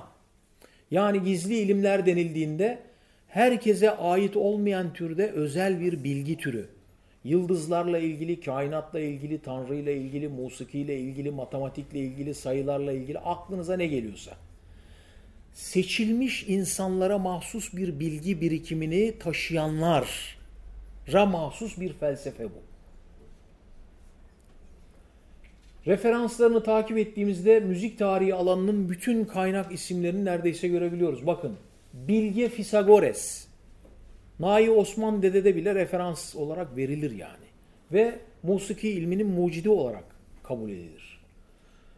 Bu ilmi İdris peygamberden öğrenmiştir. Gizli bilgi geleneği içerisinde. Çünkü bunlar bir tür tekke ve tarikat yapılanması içerisinde bu bilgiye sahip olmuşlardır. Bu herkese açık bir bilgi değil arkadaşlar. Bakın Farabi, Batlamyus, Safiüddin hepsini aynı kategori içerisinde görüyorlar. Yani bir silsile olarak hepsini bu zincir içerisinde görüyorlar. Çok nadir bir örnek ama çok manidar bir örnek. Bunu özellikle altını çizerek yazıyorum buraya. Eski Yunan'da Pisagorcularla rekabet eden en büyük teoriyi ve makam bilgisinin öncüsü sayılabilecek teoriyi geliştirmiş istisnai Aristoksenos Aratıstenes. Bizzat Hızır bin Abdullah'ın referanslarından bir tanesidir. Hani araştırmacı dostlarımıza hiç çekinmeden keşke araştırsalar diye bu referansları özellikle veriyorum yani. Bakın Öklidis yani Öklit. Çünkü hemen hemen hepsi onun monokort yöntemini hem antik Yunan'da hem e, Latin Avrupa'da hem İslam dünyasında bütün teorisyenler bunu kullandılar. Ve saygıyla kullandılar. Rauf Yekda'nın çalışmaları bile bu zincirin bir halkası durumundadır yani. Devamı niteliğindedir. İhvan-ı Safa referansı çok önemli. Niye? Neoplatonist felsefenin İslam dünyasına geçişini sağlayan ve aslında çok azının biyografisi hakkında bilgi sahibi olduğumuz bir mektep bu biliyorsunuz. Bu buradaki referanslardan, temel referanslardan bir tanesini oluşturuyor. Bakın çok önemli bir isim. Suhreverdi. Neoplatonist felsefenin İslam dünyasındaki en büyük önderlerinden bir, birisi. Aynı zamanda İbn Arabi'ye, Gazali'ye öncülük yapmış bir isim. Yani olay sadece müzik içerisinde düşünülerek anlaşılabilir bir şey değil. Derin boyutları olduğunu ne olur dikkate alalım. Bu o kadar basit bir iş değil. Yani müzik teorisi alanında yüksek lisans tezi, doktora tezi, makale yazmak isteyen dostlarımızın bilgi altyapılarını çok daha geniş bir temele, zemine oturtmaları gerekiyor. Öbür türlü çok kısıtlı bakış açıları ve birbirini tekrar eden bilgi kırıntıları üzerinden ne bilgi üretebiliriz ne de temcit pilavı durumunu aşmamız mümkün olabilir. Bunu ısrarla dikkatlerinize sunmak istiyorum. Meselenin mesela Suhreverdi'nin ne ne yaptığını, ne demek istediğini, işlevinin ne olduğunu bilmeden bu yüzyıl kaynaklarını Edvar çalışıyorum adı altında tırnak içinde e, tez veya başka bir şey yapıyor olmak en önemli ayaklardan biri hakkında hiçbir şey bilmeden tez yazmak anlamına geliyor. Ve bu kabul edilebilir bir durum değildir arkadaşlar. Yani ben buna akademinin içinde birisi olarak ağır sayılabilecek bir eleştiri getiriyorum. Büyük bilgi eksiklikleriyle yapılmaması gereken seviyede çalışmalar yapılıyor. Bu doğru değil. Bu eksikler zaten dönüp dolaşıp bizi e, ayağımıza dolanıyor ve bir türlü o karanlıkta ilerleme durumunu aşamıyoruz. Yani ışıkta ilerleyebilir duruma bir türlü gelemiyoruz yani. Bu engeller yüzünden. Bunun bakın alemlerin musikisi bunu batıda müzik teorisyeni alanında çalışanlar mükemmel tezler yazarak, kitaplar yazarak, makaleler yazarak şu konunun batı müzik teori tarihindeki kaynaklarını ve literatürünü ciddi şekilde açığa çıkardılar. Ama bu bilginin en köklü olduğu coğrafya İslam ve Osmanlı coğrafyası biz hala bunun hakkında çok kırıntı bilgilere sahibiz. Yani bu dediğim şey içinde bulunduğumuz aczi çok net ifade ediyor. Çünkü bizde teori alanını modernleştirenler bunlara hurafe gözüyle baktıkları için üzerinde zaten çalışmaya değmez hususlar olarak gördüler. Büyük bir yanılgıdır. Bak burada sadece bir referans vereceğim. Bizim yine Edvarlardan. Kullanılan tabir şu. Feleki devvarın sadasın işitmek. Yani zaten kelime alem, felek dediğinde işte seyyareler onlar dönüyorlar. Dönüşlerinden bir ses çıkıyor. O seslerin her biri uyumlu sesler, tanrısal sesler. İşte müzikte niye aralık ölçüyor, niye uyum bulmaya çalışıyor, niye yapılan hiçbir hesaplamayla yetinmiyor'nun teorisyen nazarındaki karşılığı burada ortaya çıkıyor yani. Veya niye istisnai duyma özelliği Fisagores'e mahsus da efendim e, veya burada verdiği isimlere mahsus da diğerlerine değil. İşin ruhu özü burada yatıyor. Bir de şunu unutmamak lazım bu birlik ve uyum işte makrokozmos, alemi kübra, mikrokozmos, alemi sura. Bütün neredeyse Osmanlı dünyasındaki bilgi birikiminin anahtar kavramları. Adam tarih yazsa bunu kullanıyor. Padişaha nasihat edecek olsa bu kavramları kullanıyor. Anlatabildim mi? Ee, müzik nazariyatıyla uğraşsa bu kavramları kullanıyor. Bunlara böyle boş inanç, hurafe e, gözüyle bakmak aslında modernizmin yarattığı körlükten başka bir şey değildir. Yani zihnen biraz e, ufkumuzun genişlemesi lazım. Bak ne diyor burada? Bütün tasavvuf ekolüne e, anahtar olan bir ifade bu. Allah insanı kendi suretinde yarattı.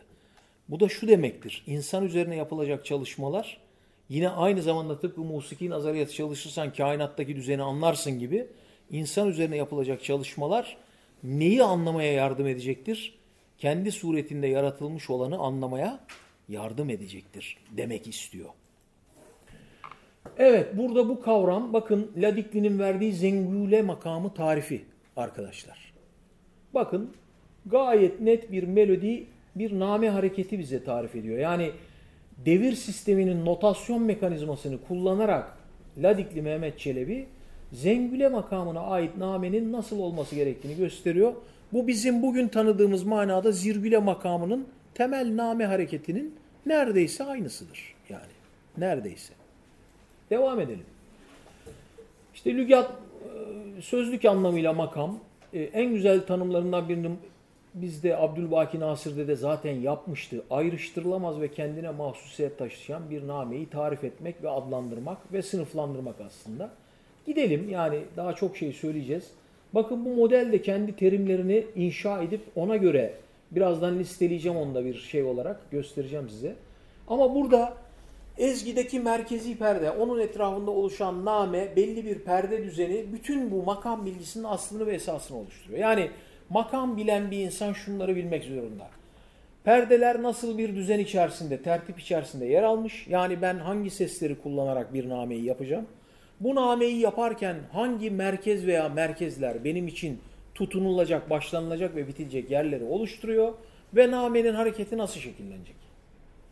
Buradan kompozisyona doğru gittiğinizde işte 18. yüzyıl Osmanlı dünyasına geldiğinizde bestecilik alanının niye üretken ve verimli bir hale geldiğini anlamak ve teorisyene niye eskisi kadar tırnak içinde ihtiyaç duyulmadığını anlamak mümkün hale geliyor. Çünkü model şudur. Bir namenin başladığı yere bakacağım. Nereye doğru hareket ettiğine bakacağım. Nerede bittiğine bakacağım. Model bundan ibarettir. Aslında. Çok yalın bir model. Bunu hiç böyle alengirli bir hale getirmeye ondan sonra aman bilinemez işte perde şinas, makam şinas falan böyle çok yalın bir model. Algılaması çok temel prensiplere dayalı. Bakın Çok pardon. Bir öncekinde Agaz yazıyor. Agaz. Agaz. Evet. Ses çıkarmaya başlamak aslında mebde, başlangıç yeri. Öyle düşünelim yani. Ses, melodik hareketin başlangıç merkezi. İlk sesi değil ama dikkatinizi çekerim. Hani bestecilikle teorisyen arasındaki fark orada karıştırılır. 20. yüzyıldaki modernleşmede mesela Hüseyin'i makamında bir ezgi. Adam çargah perdesiyle Hüseyin'iye doğru çıkıyor ama başladı eğer ilk ses diye düşünürsen orada bir yanıltı yanılmayla karşı karşıya gelirsin. Sanki namedeki ilk perde çargah e, nasıl Hüseyin'i makam falan. Ama bak yöneldiği merkez. Yöneldiği merkez her zaman Hüseyin'idir. Hüseyin'i makamında bir name yapacaksanız Agaz perdenizi Hüseyin'i oluşturacak. Tam perdeler düzeninde hareket edeceksiniz. Karar perdenizi de dügah oluşturacak. Böyle ürettiğiniz her tip name Hüseyin'i makamındadır. İster atlamalı aralıklarla yapın, ister tiz bölgeden Hüseyin'iye doğru gelin, ister pes bölgeden hisseni Bu da bestecilik alanıdır. Bak gene o demin sözünü ettiğim özür dileyerek sapla samanın birbirine karıştırılması durumunu burada gene görürüz yani. Evet çok net burada görülüyor. Bakın hepsinde devir nazariyesinde oktavlar halinde verilen ya da daireler halinde verilen tüm makamların aslında melodik hareketler şeklinde Osmanlı dünyasında anlaşıldığını ve izah edildiğini görüyoruz. Hızır bin Abdullah'tan gene o ezoterik sembolizm bakımından bakın güneş çok temel bir simge. İşte 12 burç onlarla ilişkilendirilmiş. Bu bir İngilizce sunumdaydı. Kusura bakmayın buraya böyle aktarmak zorunda kaldım. Orijinali budur. Bu buradan benim yine e, çizime aktardığım bir husus. Burada burçları 12 burcu onların toprak, su, hava, ateş ve sıcaklık, soğukluk karakterlerini veriyor. Antik Yunan'dan hatta Epiküros'tan beri gelen bir bilgi bu arkadaşlar. Osmanlı teorisyenlerinin buluşu olan bir şey değil. Bu insanlar o bilgiyi sürdürüyorlar. Sürdürüyorlar. Evet. Bu teorik modelinde kullandığı dil bu. Bir öncekiyle hiçbir alakası yok. Ama çok daha zengin bir içeriğe sahip. Çünkü bütün referansları hareketi açıklamaya odaklı. Bakın. Tam perde, nim perde, işte perde, evhane, avaz, agaz, mebde, mahreç. Bak bunlar hep ezginin hareketine başladığı yeri ona işaret eden terimler. Ama bakın hareketle ilgili eda, tavır, üslup, reviş, filan perdeden doğmak, falan perdeden başlamak, falan perdeden huruc etmek, filan perdeden kopmak. Bizde derler yani kop da gel, oradan ayrıl da gel derler ya bak. Hareketin başlangıç yeri yani. Hareketin başlangıç yerini kastediyor. Oradan kopmuş yani. Gezmek, inmek, aşağı gitmek, hubut etmek, çıkmak, yukarı gitmek, suud etmek, uğramak, dönüp gelmek, varmak hep hareketi tarif ediyor. Ve özgün bir bilgi. Yani aktarım burası özgün bir bilgi. Bu kıymetli bir bilgi. Bunu bu eski bir modeldi. işe yaramaz, gereksiz diye düşünmek büyük bir yanılgı olur. Eğer amacınız ezgiyi açıklayan teoriler üretmekse bu terimlerin her birine ihtiyaç duyacaksınız. Onu demeye çalışıyorum. Bu konu önemli, çok önemli bir konu, ihmal edilmiş bir konu. Bunun üzerinde ben biraz makaleler ve kitap bölümleri yazdım, bildiriler sundum. Ama başlı başına tez olarak çalışılmayı hak eden bir konu. Perde düzenleri, makam düzenleri konusu. Biz bugün düzen dediğimizde daha çok telleri ayarlamayı anlıyoruz. Fakat bu gelenekte, bu modelde düzen perdelerin ayarlanmasıyla ilgili bir kavram. Yani nameleri üretmek için kullanılan perdelerin ayarlanması veya seçilmesini içeren bir kavram. O yüzden düzen ve girift olmak üzere iki temel e, kavram geliştirmiş. Düzen dediğinde bir tambur düşünün üzerinde 8 tane perde bağı var. 8 tane. Makam mesela tam perdeler düzenindeki makamlarda o perdelerin her biri asıl bulunmaları gereken rast doğru yerlerinde duruyorlar. Fakat siz Hicaz makamında biname yapacaksanız o tam perdelerdeki dördüncü çargah perdesini tiz çekmeniz lazım. Tizleştirmeniz lazım. Veya sisteme o perde için ilave bir ses eklemeniz lazım. Neden? Isfahan makamında bir name yapacaksanız mecburen oraya girift denilen yani ilave edilmiş bir nim perde anlamında sisteme kalıcı olarak bağlanmış bir perdeyi oraya eklemeniz gerekecek. Bu ihtiyaç zaman içerisinde neye yol açtı? Bugünkü tambur perdelerinin oluşumuna yol açtı. Aslında sistemin içerisinde yalın aşamaları diye düşündüğünüzde bağlamanın üzerindeki perdeler, Anadolu köylerinde çeşitli e, curalarda kullanılan eksik perdeli bak bugün şimdi öyle diyoruz eksik perdeli. Ne eksiği? O perde onun için yeterli yani. Sen ona eksik diyorsun. E, bu perde konusuna bakışımızın da değişmesi lazım. O yüzden düzen konusunu, perde sistemleri kavrayışını daha eleştirel bir gözle çalışmak ve araştırmak zorundayız. Bu sadece şu bilgiyi bize vermesi yeterli. Bakın tam perdeler yani rast düzen, doğru düzen denilen düzendeki çargahı tizleştirip Hicaz perdesini elde ederseniz Hicaz düzenindeki makamların tamamını çalma ya dayalı bir düzeni sazınızın üzerinde yapmış olursunuz. Eskiden mıskal kullanılırken biliyorsunuz içerisine mum koyuyorlar. Mum ne işe yarıyor? Mumun miktarını arttığında tizleşiyor çünkü borunun çapı daralıyor. Miktarını azalttığında pesleşiyor. Bütün sistemlerde onu santur çalıyorsa başta soruyor müzisyen Hicaz faslı mı yapacağız? Yani önce rast sonra kürdili cazkar ardından acem aşiran böyle bir uygulama yok o zaman. Fasıl kavramıyla müzik yapılıyor. Hangi makamda fasıl yapılacaksa ona uygun düzen seslerine o sabit perdeli çalgılar akortlanmış oluyor. Zırt pırt ikide bir de pozisyon, perde, icra yeri değiştirmek gibi bir durum yok ki. Fasıl kültürünün olduğu yerde akort aynı zamanda stabil bir husus. Devam edelim. Bakın bizim bugün makam eğitiminde anahtar ve temel olarak kullanabileceğimiz hususlardan bir tanesi bu. Ta 15. yüzyılda makamların nasıl sınıflandırılabileceğine dair çok da güzel bir anahtar içeriyor.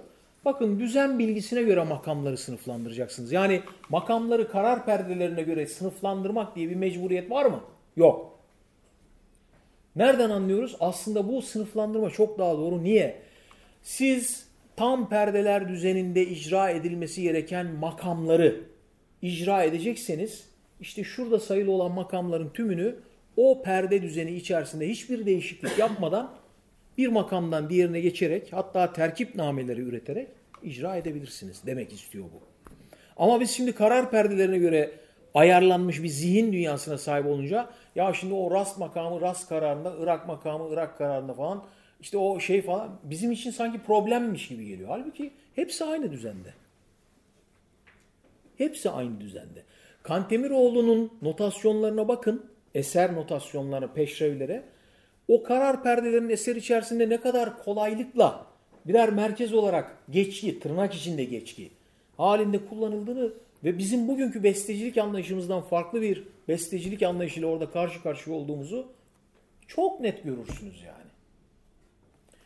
Her neyse bu aynı zamanda bugünün belki makam eğitimine temel alınacak hususlardan birisidir. Bakın aynı düzen içinde yer alan makamlar diye bir başlık koydum ben buraya. Bu aynen böyle eğitime de yansıtılabilir ve rahatlıkla bunun üzerinden gerek ses eğitimi, gerek makam teori eğitimi, gerek e, çalgı eğitimi rahatlıkla verilebilir. Yani eğitsel planda bunun işlevselliği karar perdelerine göre yapılana göre fazlasıyla üstünlük taşımaktadır. Bakın Hicaz düzeni yaptıysam ben Hicaz, Uzzal, Eski Nühüft, Eski Nühüft, Türkiye Hicaz, Bahri Nazik, Rahatül Ervah ve Nirizi. Niriz İran'da bir yer. Biz de Nikriz haline gelmiş ya. Niriz aynen Nişabur gibi, Isfahan gibi bir yerleşim adı. Eski kaynaklarda doğru yazılıyor, sonradan Nikriz haline geliyor. Maalesef belki bir okuma hatasının sonucudur bu. Bunu da bugün doğrusuyla gene kullanmamızı öneriyorum. Neyriz, Niriz dememiz makamı yeniden doğru olarak adlandırmak için anahtar olabilecektir demekteyim. Bakın düzenle girift arasındaki farkı burada çok net görebilirsiniz. Giriftli sistem olduğunda sistemin her defasında içerisine ilave yeni bir perde girmek zorunda kalıyor.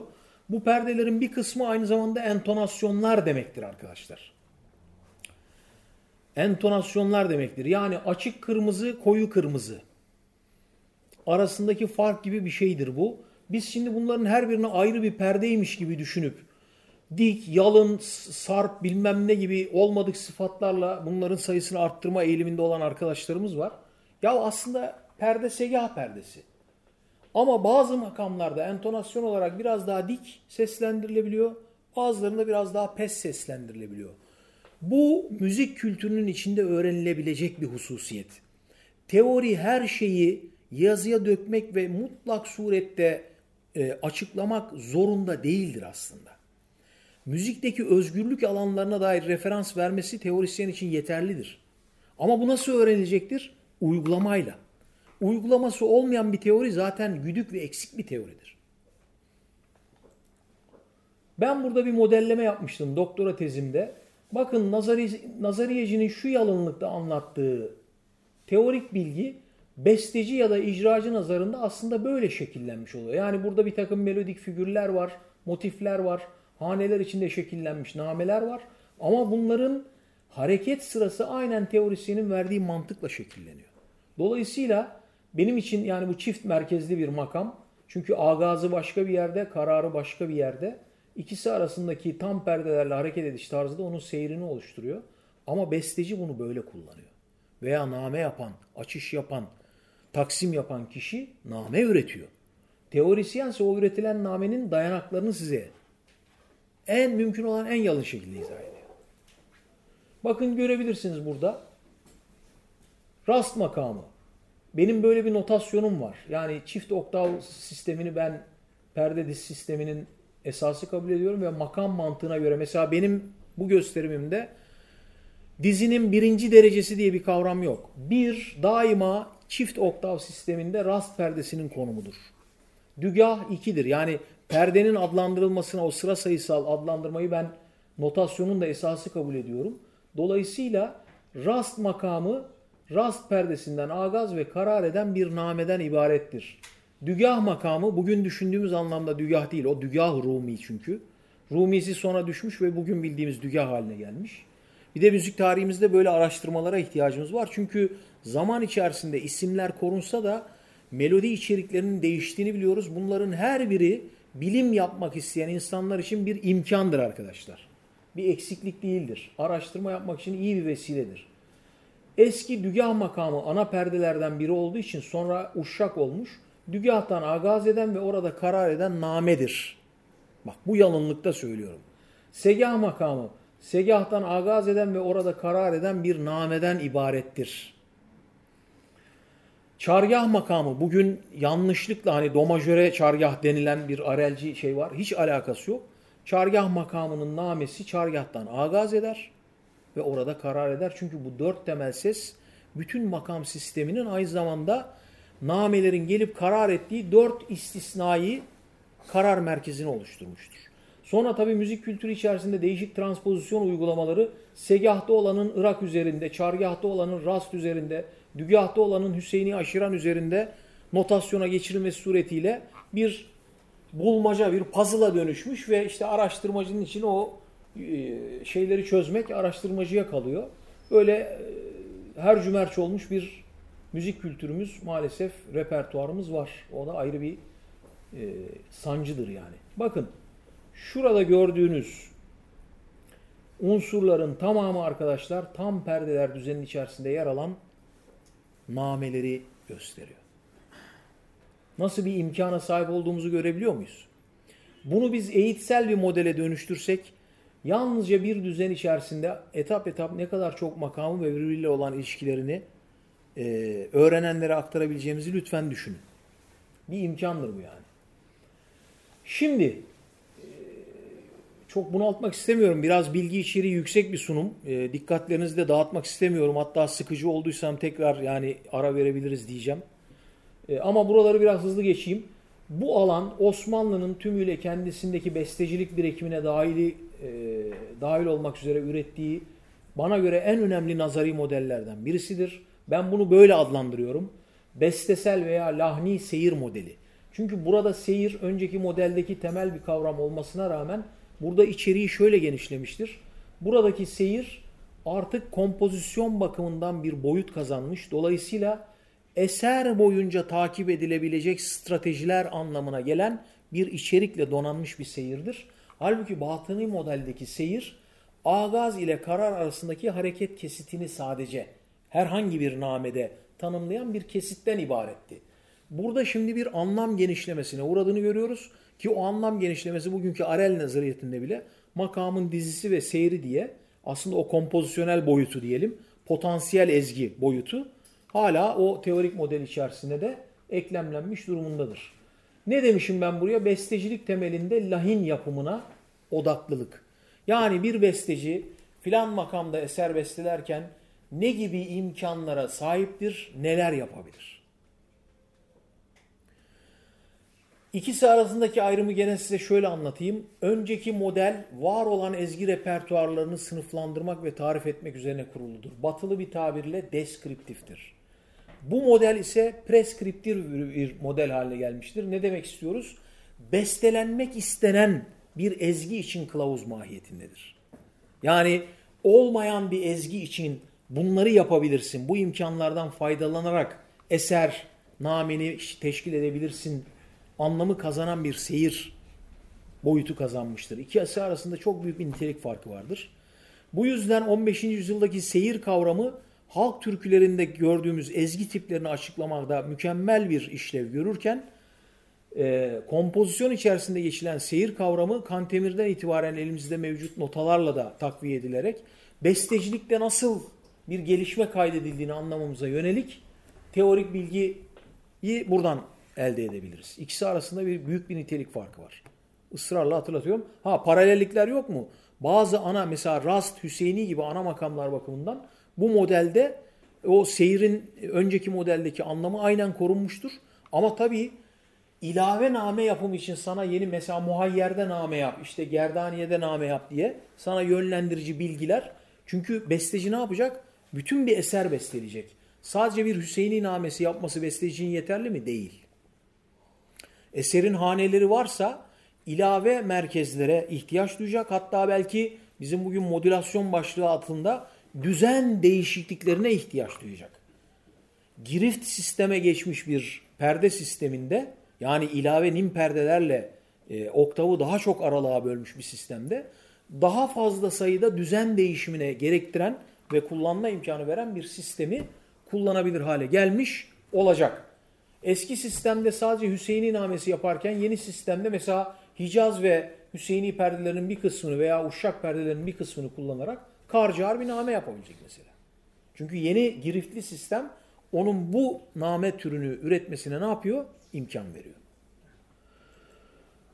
Bakın tipik özelliğini Kantemiroğlu'nun Acem makamı tarifinde görebiliriz. Kocaman bir agaz kesiti var burada Acem makamı için. Ardından ta karar perdesi olan dügaha kadar ses sistemi içerisinde hangi e, menziller içerisinde hareket edebileceğini gösteren bir tarif kesiti var. Ve en nihayetinde kararı nasıl yapabileceği ile ilgili bir tarifle karşı karşıyayız. Bakın bir benzeri Nahi Osman Dede'ye göre rast namesinin tarifi. Bir benzeri Tamburi Küçük Hartin'e göre Dügah Uşşak makamı. Bakın Dügah'tan agaz ediyor. Ana perdeleri kullanarak Gerdaniye'ye kadar seyir. Besteci, taksim yapan neyse. Geliyor kararını gene Dügah'ta yapıyor. Buyurun. Bunun yoruma ihtiyacı var mı? Yok o öyle demek istemedi de böyle demek istedi demeye ihtiyacı var mı? Yok. Çok net yani. Marmarinos. Buyurun. Rast makamını bir melodi name olarak tarif ediyor. Buyurun. Bakın Rast'tan agaz etmiş, gelmiş Rast'ta karar etmiş, inici ve çıkıcı bir o hareket kestiğiyle nameyi örmüş. Yani Osmanlı dünyasının Ermenileri, Rumları, o dünyada musiki yapan insanları da aynı bilgiye sahipler. Kendi dilleri ve alfabeleriyle bunu ne yapmışlar? Birebir kullanmışlar. Hatta kilise kendi kilise makamlarıyla eşleştirerek o bilgiyi vermişler. Mukayeseleri de yapmışlar yani. Es-Seyyid Mehmet Emin mükemmel bir kaynaktır. Tambur perdeleri üzerinden bütün bu nameleri anlatır. Yani tümüyle pratik esaslı bir e, kaynak oluşturmuştur bize Es-Seyyid Mehmet Emin. Önemi burada. Ve hangi name merkezinde hangi tür düzen ve namelerin şekillenebileceğini mükemmel şekilde anlatmıştır. Çok somut bir kaynaktır. Ve kullandığı ifadelere bakın. Bakın şargah makamı gibi gezinüp, rast makamı peyda olan perde, nihavent üslubuyla, o kadar güzel tarif ediyor ki hiçbir şekilde yanlış anlaşılması veya e, dediğinin anlaşılmaması mümkün değil. Aşiran makamı zahir olan perdedir. Bak tamburun üzerindeki ikinci perde.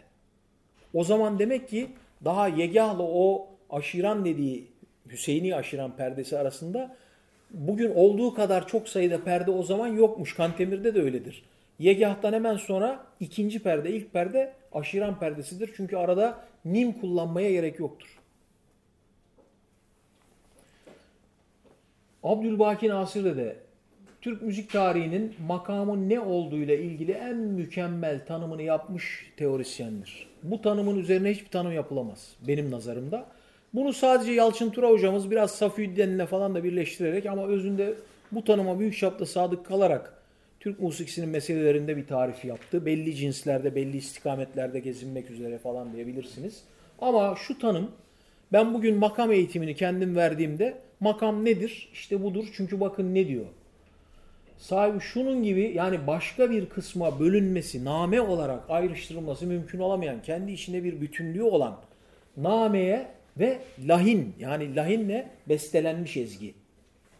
İşte bu diyor makamdır diyor. Bu kadar net bir tanımı var. Son derece açık, yalın, anlaşılır ve işlevsel. Makam eğitiminde kesinlikle kullanılması gereken bir tariftir. Yani eski bir tarif diye bugün işe yaramaz diye asla düşünemeyeceğimiz bir tariftir. Bu iki model arasındaki süreklilikleri burada özetledim okumayayım. Siz şöyle bir bakın isterseniz. Ben de bir yudum bir su içeyim.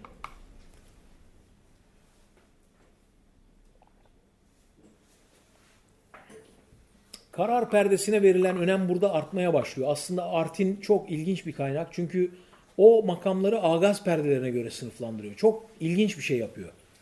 Yani makamların doğduğu, başladığı perdeleri temel alarak sınıflandırıyor. Fakat Osmanlı dünyasındaki genel eğilim karar perdelerine göre sınıflandırma yönünde gelişiyor. Bir bilgi Avrupa'da modal teori gelişirken modun ne olduğu üzerine tarif verme orada da yüzyıllar boyunca çok sıkıntılı olmuş. Çok farklı teorisyenler farklı tanımlar vermişler. Ve bugün modal teori orada hep oktav dizileri olarak anlatılırdı. 2014 yılında benim gibi bir e, Richard Porterfield isimli bir e, kilise müzisyeni, orkçusu modal tarih üzerine bir araştırma, doktora tezi yaptı arkadaşlar. İnanamayacağınız bir bilgi söyleyeyim size. Kendi yaptığı araştırmada tamamen kilise müzisyenlerinin yazdığı teori kaynaklarına dayalı olarak yaptığı araştırmada kilise müzisyenlerinin modları tamamen melodik hareket üzerinde bilen bir özgün bir sınıflama geliştirmiş olduklarını ortaya çıkardı. Onlar iyonyen demiyorlar. Mesela re fa modu diyorlar. Buradaki re ve fa ezginin başladığı merkezle bittiği merkeze işaret ediyor. Tamamen makam temelli bir bilginin oradaki adeta kilise müzisyenleri nezdindeki karşılığını Porterfield aşağı çıkarmış oldu. Bizler açısından çok kıymetli bir bilgi. Niye? Osmanlı dünyasında ezgi odaklı teorinin aslında uyarlama alanının ne kadar genişleyebileceği ile ilgili bize açıkçası büyük bir kapı aralıyor. Yani bu tür çalışmalar. Önemini anlayalım diye vurgulama gereği duyuyorum. Bizim işte maalesef beyin travmalarımız bu Avrupa ile mukayese sürecinde ortaya çıkmaya başlandı. Çünkü işte medeniyet olarak ileri gitmişlik, geri kalmışlık, işte şarklılık, batılılık, garplılık, burada ne varsa kötüdür, illettir, harstır, eksiktir. Bakış açısı ve zihniyetin polarize oluşu müzik teorisi alanında faaliyet gösteren kişilerin de bu bu eğilimden ağır şekilde etkilenmelerine yol açtı ve hepimizin malumu olduğu üzere mukayeselerle başlayan süreç Rauf Yekta'dan itibaren Türk müziğinin modernleşmesi sürecinde şu unsurların öne çıkmasına yol açtı. Yine kendiniz okursanız sevinirim. Çünkü buradan itibaren artık geleneğe müdahale edildi ve geleneğin ne olduğuyla değil, nasıl olması gerektiğiyle ilgili bir eğilim, tutum ön plana çıkartıldı. Bu da e, Avrupalılaştırılmış Türk musikisi diyeceğimiz bir kavramın, bugün içinde bulunduğumuz bir kavramın bizim olağan atmosferimiz haline gelmesine yol açtı. Düşünce dünyamız da ona göre şekillendi. Normlarımız da ona göre şekillendi ve bugün maalesef bu paradigmalar içerisinde şekillenmiş bir Türk müziği içerisinde bulunuyoruz. Ee, üretilmiş özgün bir model e, eski olarak görülüp doğru dürüst araştırılmadan işlevsiz kılınarak bir kenara atıldı. Ve maalesef bugün geçerliliğinden hiçbir şekilde ve ilmi olduğuna inanılan bir e, model olarak burada bir takım alıntılar var. İşte görüyorsunuz. E, Avrupa'ya göre konumlanış bugünkü modern Türk müziği teorisini ve tonaliteyi temel alan bir modeli ortaya çıkardı.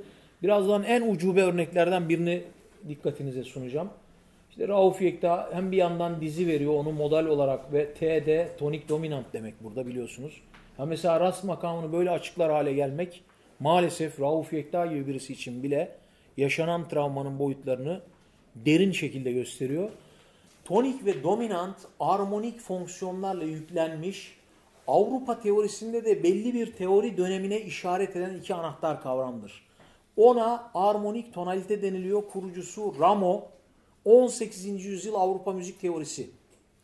Bundan öncesi Avrupa müzik tarihinde de teorik modeller bakımından evrelere ayrılmış durumdadır.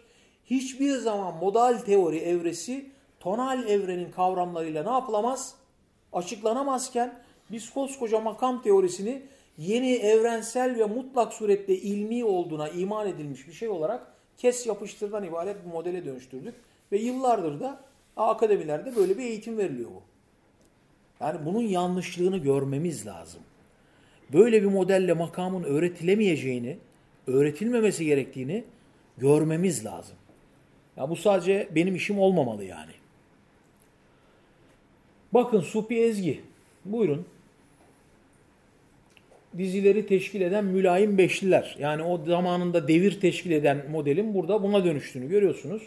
Bununla da yetinmeyecek. Ne yapacak? İşte bunları vermeye başlayacak. Mensup makamlar cetveli. Umumiyet üzere makam. Mesela neymiş? Genel olarak makam. Durak ve güçlü denilen namelerle dizinin diğer sesleri beynindeki arasındaki münasebet cihetinden seslerin icrasıdır ki misalleri notada görülüyor. Yani nota yazınca tamamen ilmi oluyor. Öyle söyleyeyim size. Bu anlayışa göre. Notaya yazdıysan ilmidir. Yani bak durak ve güçlü. Bu terimleri Hüseyin Saadettin Arel icat etti. Tonik ve dominantın karşılığı olarak. Bir de şeyde böyle bir şey vardır Ezgi'de. G'yi çoğunlukla K olarak yazar. Bir dizinin durak ve küçlü sesleri makamda en mühim sesler olup. Bak bu tamamen tonal bilgi. Bunun makamla falan hiçbir alakası yok. Hiçbir alakası yok. Makam agaz ve karar ve seyir kavramlarıyla şekillenen bir bilgidir. Namenin merkezleştiği yere odaklı bir bilgidir. Ve kaynaklarını gösterdim size. Özgün bir bilgi türüdür. Alternatif bir teoridir. Bakın hani vurgulayarak söylüyorum. Kaybedilmemesi ve hatta geliştirilmesi gereken, geliştirilebilirliği olan bir nazari modeldir. Arel meşhur tarifi durak ve güçlü münasebeti. Çünkü Arel yani radikal bir garplılaşmacı. Yani Arel'i Türk müziği tarihi içerisinde e, dikkatli okumamız ve üzerinde gerçekten daha ayrıntılı çalışmalar yapmamız lazım. Asla bu bir kötüleme katkıları varsa katkılarını göz ardı etme değil ama Arel polarize olmuş bir kişi. Garplılaşma yönünde polarize olmuş bir kişi. Dolayısıyla var olan geleneksel Türk müziğine objektif bir gözle bakabilir durumda değil. Yaşadığı dönem itibariyle de neyse. Malum hikayeler. Bakın derece tabiri alenen artık yani derece aslında armonik fonksiyon demektir. Derece tabirini açıkça kullanır haldedir. Yani hani adlandırmıyor. Onu kim yapacak? Şimdi birazdan meşhur İsmail Hakkı Özkan yapacak. Gördüğünüz gibi birinci derece, ikinci derece, durak üstü, üçüncü bu.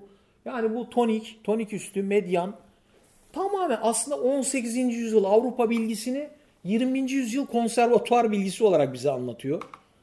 Modern bir bilgi diye. Sapla samanın gene birbiriyle karıştığı vahim bir noktadayız. Ama en vahimi bu bence. Yani benim hani kendi yaptığım araştırmalarda. Şimdi bakın burada bir Suzi Dilara makamının asma karar perdeleri tarifi var. Lütfen sabırla bir okuyunuz. Sizden istirhamım. Kendiniz okuyunuz. Suzi Dilara makamı 3. Selim'in bulduğu bir terkip. Onu da antiparantez söyleyelim. Çünkü birazdan Abdülbaki Nasır dedenin onunla ilgili verdiği tarifi size göstereceğim. Ondan sonra da bu ne perhiz, bu ne lahana turşusu durumuyla karşı karşıya geleceğiz. Bu nasıl bir açıklama şimdi? Mesela diyor ki Suzi Dilara makamının ana yapısı biri çargahta diğeri rastı olmak üzere iki çargah dizisinden meydana gelmiştir. Yani demek istiyor ki, söyleyecek zaten, çargah dizisi ise batı müziği bakımından tamamen majördür. Çok ilmi bir cümle. Bu duruma göre Suzi Dilara makamı do majör ve sol majör dizilerinin birbirine karışımı yani 3. Selim do majör dizisini almış bir de sol majör dizisini almış. Birbirine karıştırmış Suzi Dilara adını vermiş bir terkip yapmış. Demek istiyor. Ya bu kadar yani neyle uğraştığının farkında bile olmayan ama biliyorsunuz İsmail Hakkı Özkan şimdi yani hani saygınlığı efendim yazdığı kitabın yıllardır konservatuarda temel ders kitabı olduğunu kaç tane adamın bu açıklamalarla makam öğrendiğini kime söyleyeceğiz? Bak şimdi Abdülbaki Nasır de 1794. Perdeyi Buselik'ten agaz edip çargah perdesi andan yine Buselik ve dügah ve rast ve gevaşt perdesi badehu rast perdesi gösterip anda karar eder. Yani Suzi Dilara makamı bundan ibaretmiş namesi. Ama çargah perdesinden yukarı yani demek istiyor ki name yapmaya devam etmek isterse bir icracı, besteci Neva Hüseyini Acem Gerdaniye ve Muhayyer perdesine dek ve Gebaş perdesinden aşağı Irak, Aşiran ve Yegah perdesine dek seyri var. Ne majörü ya, ne minörü, ne majörü. Buyur. Şu, şurası İsmail Hakkı Özkan, burası Abdülbaki Nasır'da de padişah müsahibi. Yani 3. Selim'in müsahibi. Suzi Dilara makamı terkip edildiğinde onun tanığı olan şahıs. Onun verdiği tarif. Bu da modern piyanist İsmail Hakkı Özkan hocamızın verdiği tarif 1987. Bizim oturup bir şapkamayı önümüze koyup biz ne yapıyoruz diye bir düşünmemiz lazım. Buraya nasıl geldik diye bir düşünmemiz lazım. Bu vahim bir durum arkadaşlar. Bakın Bruno Nettle ne diyor? Meşhur Amerikalı etnomüzikolog yani etnomüzikoloji tarihinin duayenlerinden şöyle bir ünlü bir makalesi var. World Music in the 20th Century, a Survey of Research on Western Influence, Batı etkisi üzerine değil mi? Araştırması üzerine bir makale. Müziksel açıdan batılılaşma diyor Bruno Nettle. Batı müziğinin merkezi özelliklerinin uyarlanması suretiyle Batı sisteminin bir parçası haline gelmektir. Arel zaten ne diyordu? Arel'in rüyası neydi?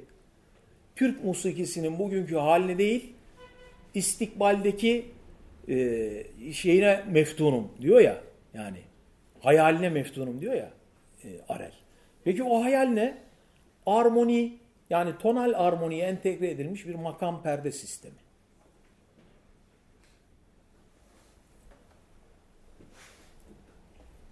Bu da Arel'e göre Hümayun makamı. İşte Hicaz dörtlüsüyle. Şimdi makam analizi yapılıyor. Bakın konservatuarlarda makam analizi. Ne yapıyorsun? Dörtlülerle beşlileri gösteriyorum. Ya arkadaşlar bakın bir şey söyleyeyim. Analiz teorinin bir bileşenidir ve analiz teorinin e, müziğin unsurları arasındaki ilişkileri anlamak için ihtiyaç duyduğu bir alandır. Analiz.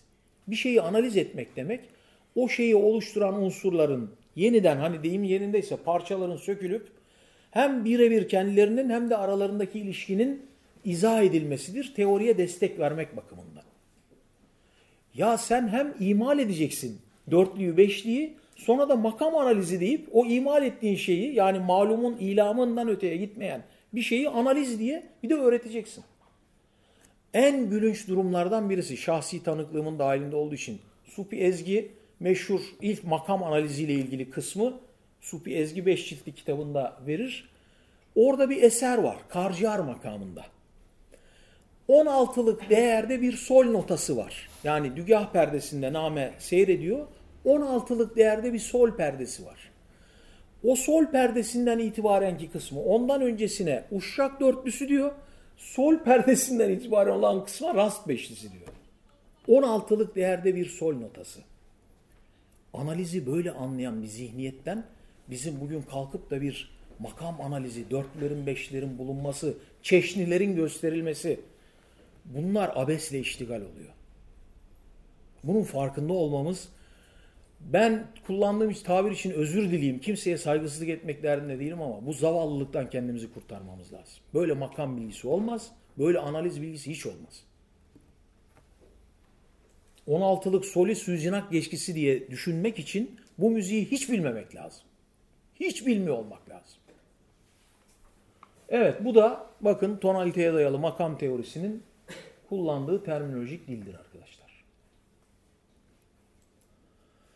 Burada basit bir yüzyıllar içerisinde ta eski Yunan'dan efendim Arel'e kadar gelen süreci hani sırf o oktav bölünmesi ses sistemi deyince biz şimdi sadece oktav bölünmesini anlıyoruz. Halbuki bizim kadim geleneğimizde ses sistemi kavramı çift oktav düzenine dayalıdır. Asla oktav bölünmesine dayalı düzen değildir. Bu da modernleşme sürecinin yol açtığı bir başka travmadır. Safiüddin oktavı 18'e bölerken bile çift oktav sistemine sadık kalmaya devam etmiştir. Hatırlatarak ilerleyelim. Bu da yine bir mukayese Kantemir'den itibaren. Kantemir'in verdiği ana tam ve nim perdeler Abdülbaki Nasır Dede de Haşim Bey de Arel'de. Efendim ustamın adı Hıdır. Elimden gelen budur. Saygılar sunarım.